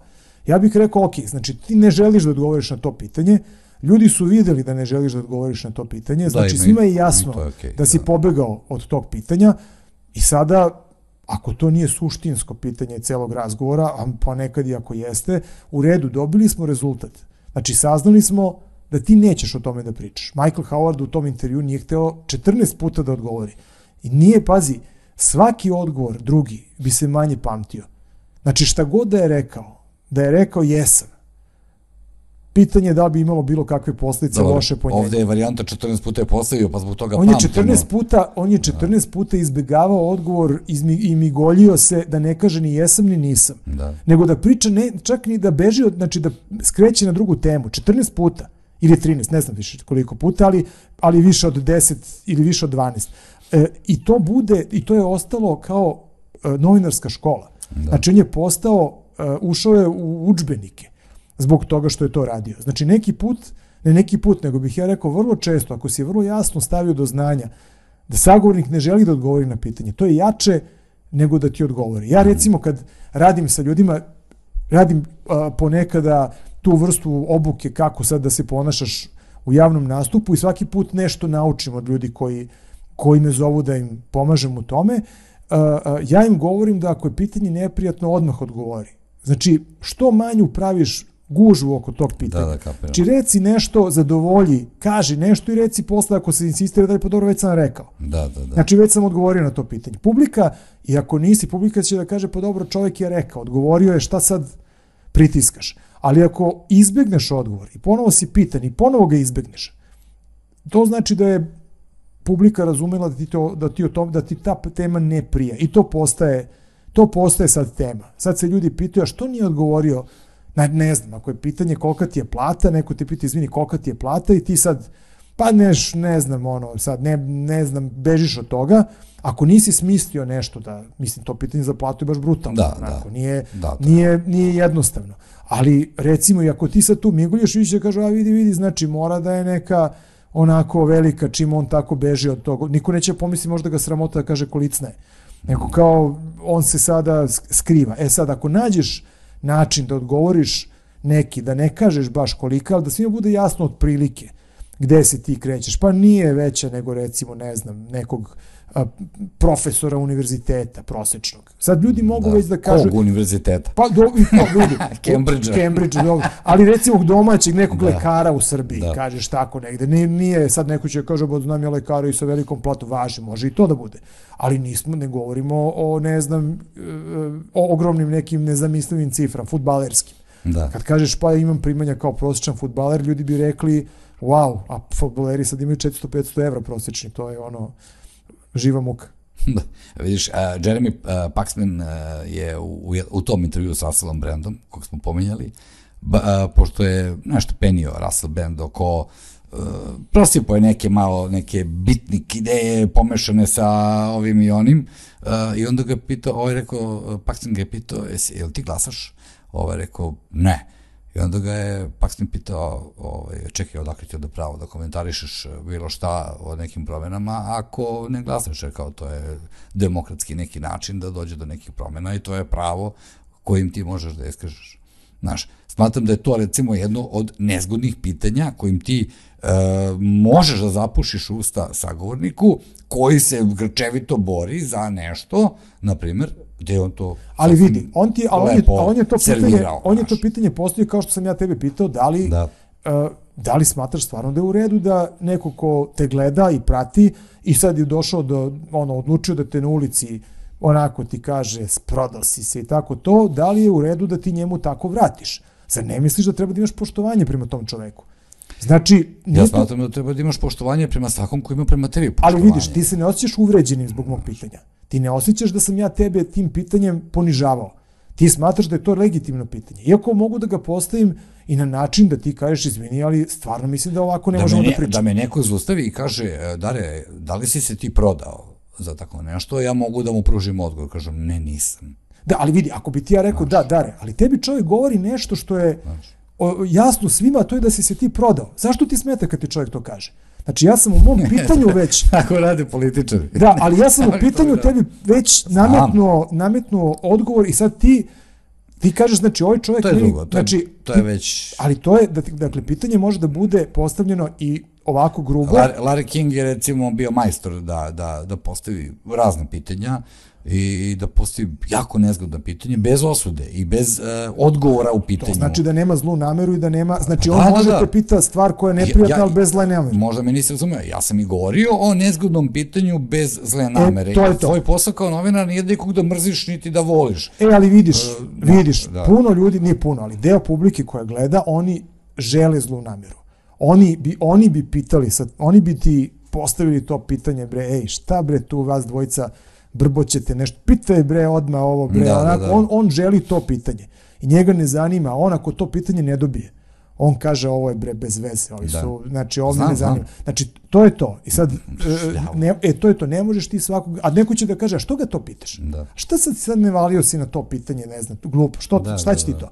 Znači, ti treba sad negde da uh, kažeš, dobro, ove koji traže da budem neprijatan prema sagovorniku, ako meni to ne leži, ja to neću da uradim. Ove koji traže da budem previše servilan, neću ni to. Ja ću da obuhvatim one koje stvarno zanima šta čovjek ima da kaže. Da, da. Jer on ima da, jer ja zaista ne mislim da treba zvati nekoga čije ti mišljenje ne zanima. Ja, znači, zanima te šta on misli. Tačno. Možda ne misli ono što ja mislim, ali ajde čujemo šta misli. Ako je da. čovjek kogod da je, čime god da se bavi, zvali smo ga da nam nešto pojasni I on treba to da uradi, treba da mu damo najbolju moguću šansu da on to kaže. On ako to ne zna, on ako je loš u tome, ako je na kraju krajeva pogrešan, on će te greške sve da pokaže ako si mu ti to omogućio. Da. I to će da se belodano vidi. Ako nije, ako je recimo pogrešno percipiran, ako ljudi o njemu imaju, recimo dešava se, imaš ljude koje su, koje je javnost jako loše doživela. Da, I da. ima jako loše mišljenje o njima. A onda kad negde im neko pomogne, otvori ih malo, oni budu onako ljudi kažu pa dobro nije on tako baš strašan kao što smo da, da, da. kao što smo mi mislili. Da. Znači ipak je to znači taj čovjek ipak ima neke nije nije to takav đavo. E to je to uh, o čemu pričam. Znači nije stvar u tome da ti budeš u pitanjima da ti cilj bude da nekoga ne, ne, to je, onda, to je onda pretencioznost, jedna da. ružna, onako da ti pokušavaš da izdominiraš nad sagornikom koga si zvao i koji je došao na kraju krajeva tu, osim ako nije poručeno. Ovaj, Ili ako publika da. nije ogromna, pa ne. ono... Ja sam pričao baš o, o, o tom delu u kome se e, de facto slažemo, naš, de, de, bez pretencioznosti, bez loše namere, bez nametnutog odgovora i već u napred osude, nego čisto... Kažem ti, suština u tome, naš. da i to je nešto što se uči, zaista. Znači, učiš se, učiš se kako ćeš da postavljaš kako ćeš da postaviš pitanje i u kojoj situaciji i dakle to nije uh, nije jednostavno. Znači Naravno. kao što znaš i, i, i e, deo toga si puno toga si naučio sam. Znači, pravio si greške, negde si, ono, razmišljaš posle pa kažeš, e, ovde sam se prešao, malo sam, pritisnuo sam previše i da, nije, da. posle toga nije bilo ono što sam ja hteo. Ili sam trebao da pritisnem jače. Jer, ono, vidim da sam negde propustio nešto. I, i vremenom, to je ono lepa stvar starenja. Sa, sa godinama to iskustvo je takvo da ti, to je kad sam ja rekao da sam sa 40 godina već imao dovoljno kilometraže da kažem sad već su mi sve situacije poznate, to je to da kažeš već sam bio u toj situaciji, ono kao kad voziš pa si vozio i po da, ledu i po da. kiši da. i po vrućini i po svemu, znači sve si to isprobao i ti znaš da kad se nađeš na klizavom putu, ti znaš da treba da voziš sporije ili kako da voziš i kako da okrećeš volan. I da kočeš naglo. da, i ti zna, da. jer, jer znaš, ono, ako da. naglo stisnem, odoh. I, I to je, to je to što ti iskustvo donese. Da, prvi put kad, si, kad prvi put si refleksno uradio i odleteo si. E onda si rekao, aha, ne, sad ulazim i, i spreman si. To je to što ti donese iskustvo i ti sad kad pričaš, ti ovaj intervju možda vodiš na više načina. Ti možda kažeš, sad ću da budem grub, sad ću da budem onako, baš da budem neprijatno. To sam radio kad sam bio mlad, kao kad si ti kao kad sam ja pisao, da, kritiku. Da, da. Ja sam isto tako. A, ali ovaj, a možeš da kažeš, ja ću baš da budem vrlo blag i sve, znači hoću da, ne znam, imaš nekad sagovornika kome želiš da pustiš, koji je možda agresivan. I sad ti znaš, ako ti dodaš agresiju, to će se pretvori u svašta. Ali ako tog agresivnog malo spustiš, on će doći na nivo koji može da se sluša. I onda ćeš ti malo da se povučeš, a njegova agresija će da popuni sav prostor i čuće se ono što treba. Ti samo ono što se kaže usmeravaš da. malo da bi dobi, da bismo čuli ono što nam je bio cilj. Jer ako ti, brate, nemaš cilj, ako nisi pozvao nekoga da bi ga pitao određenu stvar, da bi saznao od njega zašto ti radiš to tako i tako, ili kako ti radiš to, ko je onda, ko je onda svrha? Znači, yes. ljudi to prepoznaju, ljudi ako vide da je razgovor besciljan, oni onda taj razgovor i ne slušaju. Kažu, ma to je, ovi nešto čavrljaju tamo, mene to puno ne zanima. Da, da, znam. Eto, mnogo mi je drago što, što, što smo videli i tu drugu tvoju stranu, jer ti mi daješ nešto puno intervjua, ja, ja ne, pa, nemam ja, nešto priliku da, da, nisam imao priliku da nešto pronađem. Pa, nisam dva, su, vidi, dva su razloga. Jedan je taj što ja ne mislim da sam pretirano negde interesantan da... Ali imaš dosta toga, ja kad sam istražio ono pa, što sam istražio... Godina Pa, pa ne može toliko, eto koliko je Paxman, Paxman je 50, ne, on je uh, dosta stariji od tebe. Pa, uh, ne znam tačno da li on 56 ili tako 50 nešto. čini mi se da. A možda čak. da, možda i 50 ja, sam 60, ja sam 65 I u Gandhi i Beirut ga je dokačio kao reportera i Centralna Afrika, znači stariji je sigurno da, da, 50 da, jeste, što je otišao u penziju, ja mislim pre Da, i on je meni godina. jedan od omljenih uh, likova. Ali recimo ljudi ne znaju, eto, za to crtanje stripova, za uh, rock kritiku, da ti omiljeni strip Corto Maltese, za ono čuveno citat, parafraziraću, da, za... kad nemaš, uh, nije našo ovaj, liniju, liniju života. života, pa je britvom iscrtao put kojim... Uh, on je iscrtao sebi liniju kako bi da, želeo da ima. Da, da. Znači ono kad ti gledaju u dlan, on je napravio sebi evo ovako ja hoću da moj da. život izgleda. On je i meni omiljen, samo nisam da. stigao da njega odradim, Pošto... E, nema opravdanja.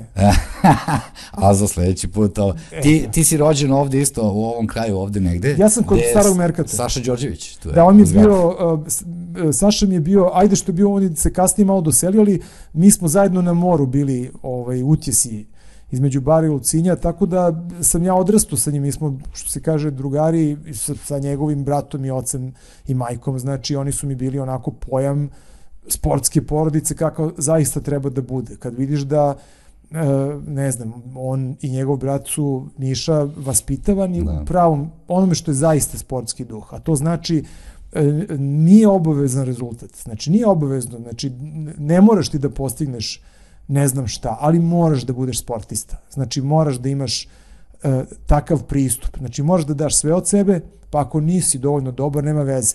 Ali, ono moto naše futbolske reprezentacije je važno učestvovati. Ja. Ostaviti srce na terenu. Ali nije, ne, nije važno učestvovati. Nije stvar u tome da učestvuješ. Stvar je u tome da daš sve od sebe. Da. Pa onda će tvoj talent i trening da pokažu koliko si dobar. Ali ne, nedopustivo je da to ne uradiš i nedopustivo da ne poštuješ protivnika. Da. Znači da imaš nepoštovanje prema drugima. Znači to je, to je stvar odličnog, odličnog vaspitanja. Znači kad, da. za razliku recimo od drugih koji su koji nisu sportske porodice, imali su dete sportistu gde vidiš da je ambicija pojela sve ostalo i da apsolutno znači roditelji su spremni sve da sruše no. zato da i to nije samo u sportu, nije to i u drugim stvarima. Da, znači da. to je ta razlika. Znači oni koji znaju i koji kažu ne, ja želim prvo da moje dete bude kvalitetan čovek, pa ako bude vrhunski sportista, super, ako da. ne bude, opet je dobro što je kvalitetan čovek i oni koji kažu, vidi, me ja hoću da on igra ne znam, u Realu i neću se smiriti dok se, i onda ću da kršim sve i takvi obično ne, ne, ne da. stignu ni do zvezde. Ili upropaste to dete i onda... Pa ne, pazi, svakako te da. upropastete zato da. što uh, pre ili kasnije, čak i ako napriš neku karijeru, taj nedostatak tog duha koji ti nisu usadili će da te negde u životu da, polomi. Da. Zorane, mnogo ti hvala što si bio moj gost. Hva, pazi, hvala tebi što si me pozvao i sad jednu stvar da kažem, jedan od razloga zašto meni drago bilo ovaj, da budem ovde, to je što sam pomislio, uh, uh, pazi, ima neka fotografija, znaju da kažu kako uh, uh, daj navuci sina ili čerku na fotografiju i budi siguran da neće imati para za drogu. A onda su i sad podcasteri na to dodali, kaže, navuci ga na podcast, pa neće imati ni za cigare, ni pivo.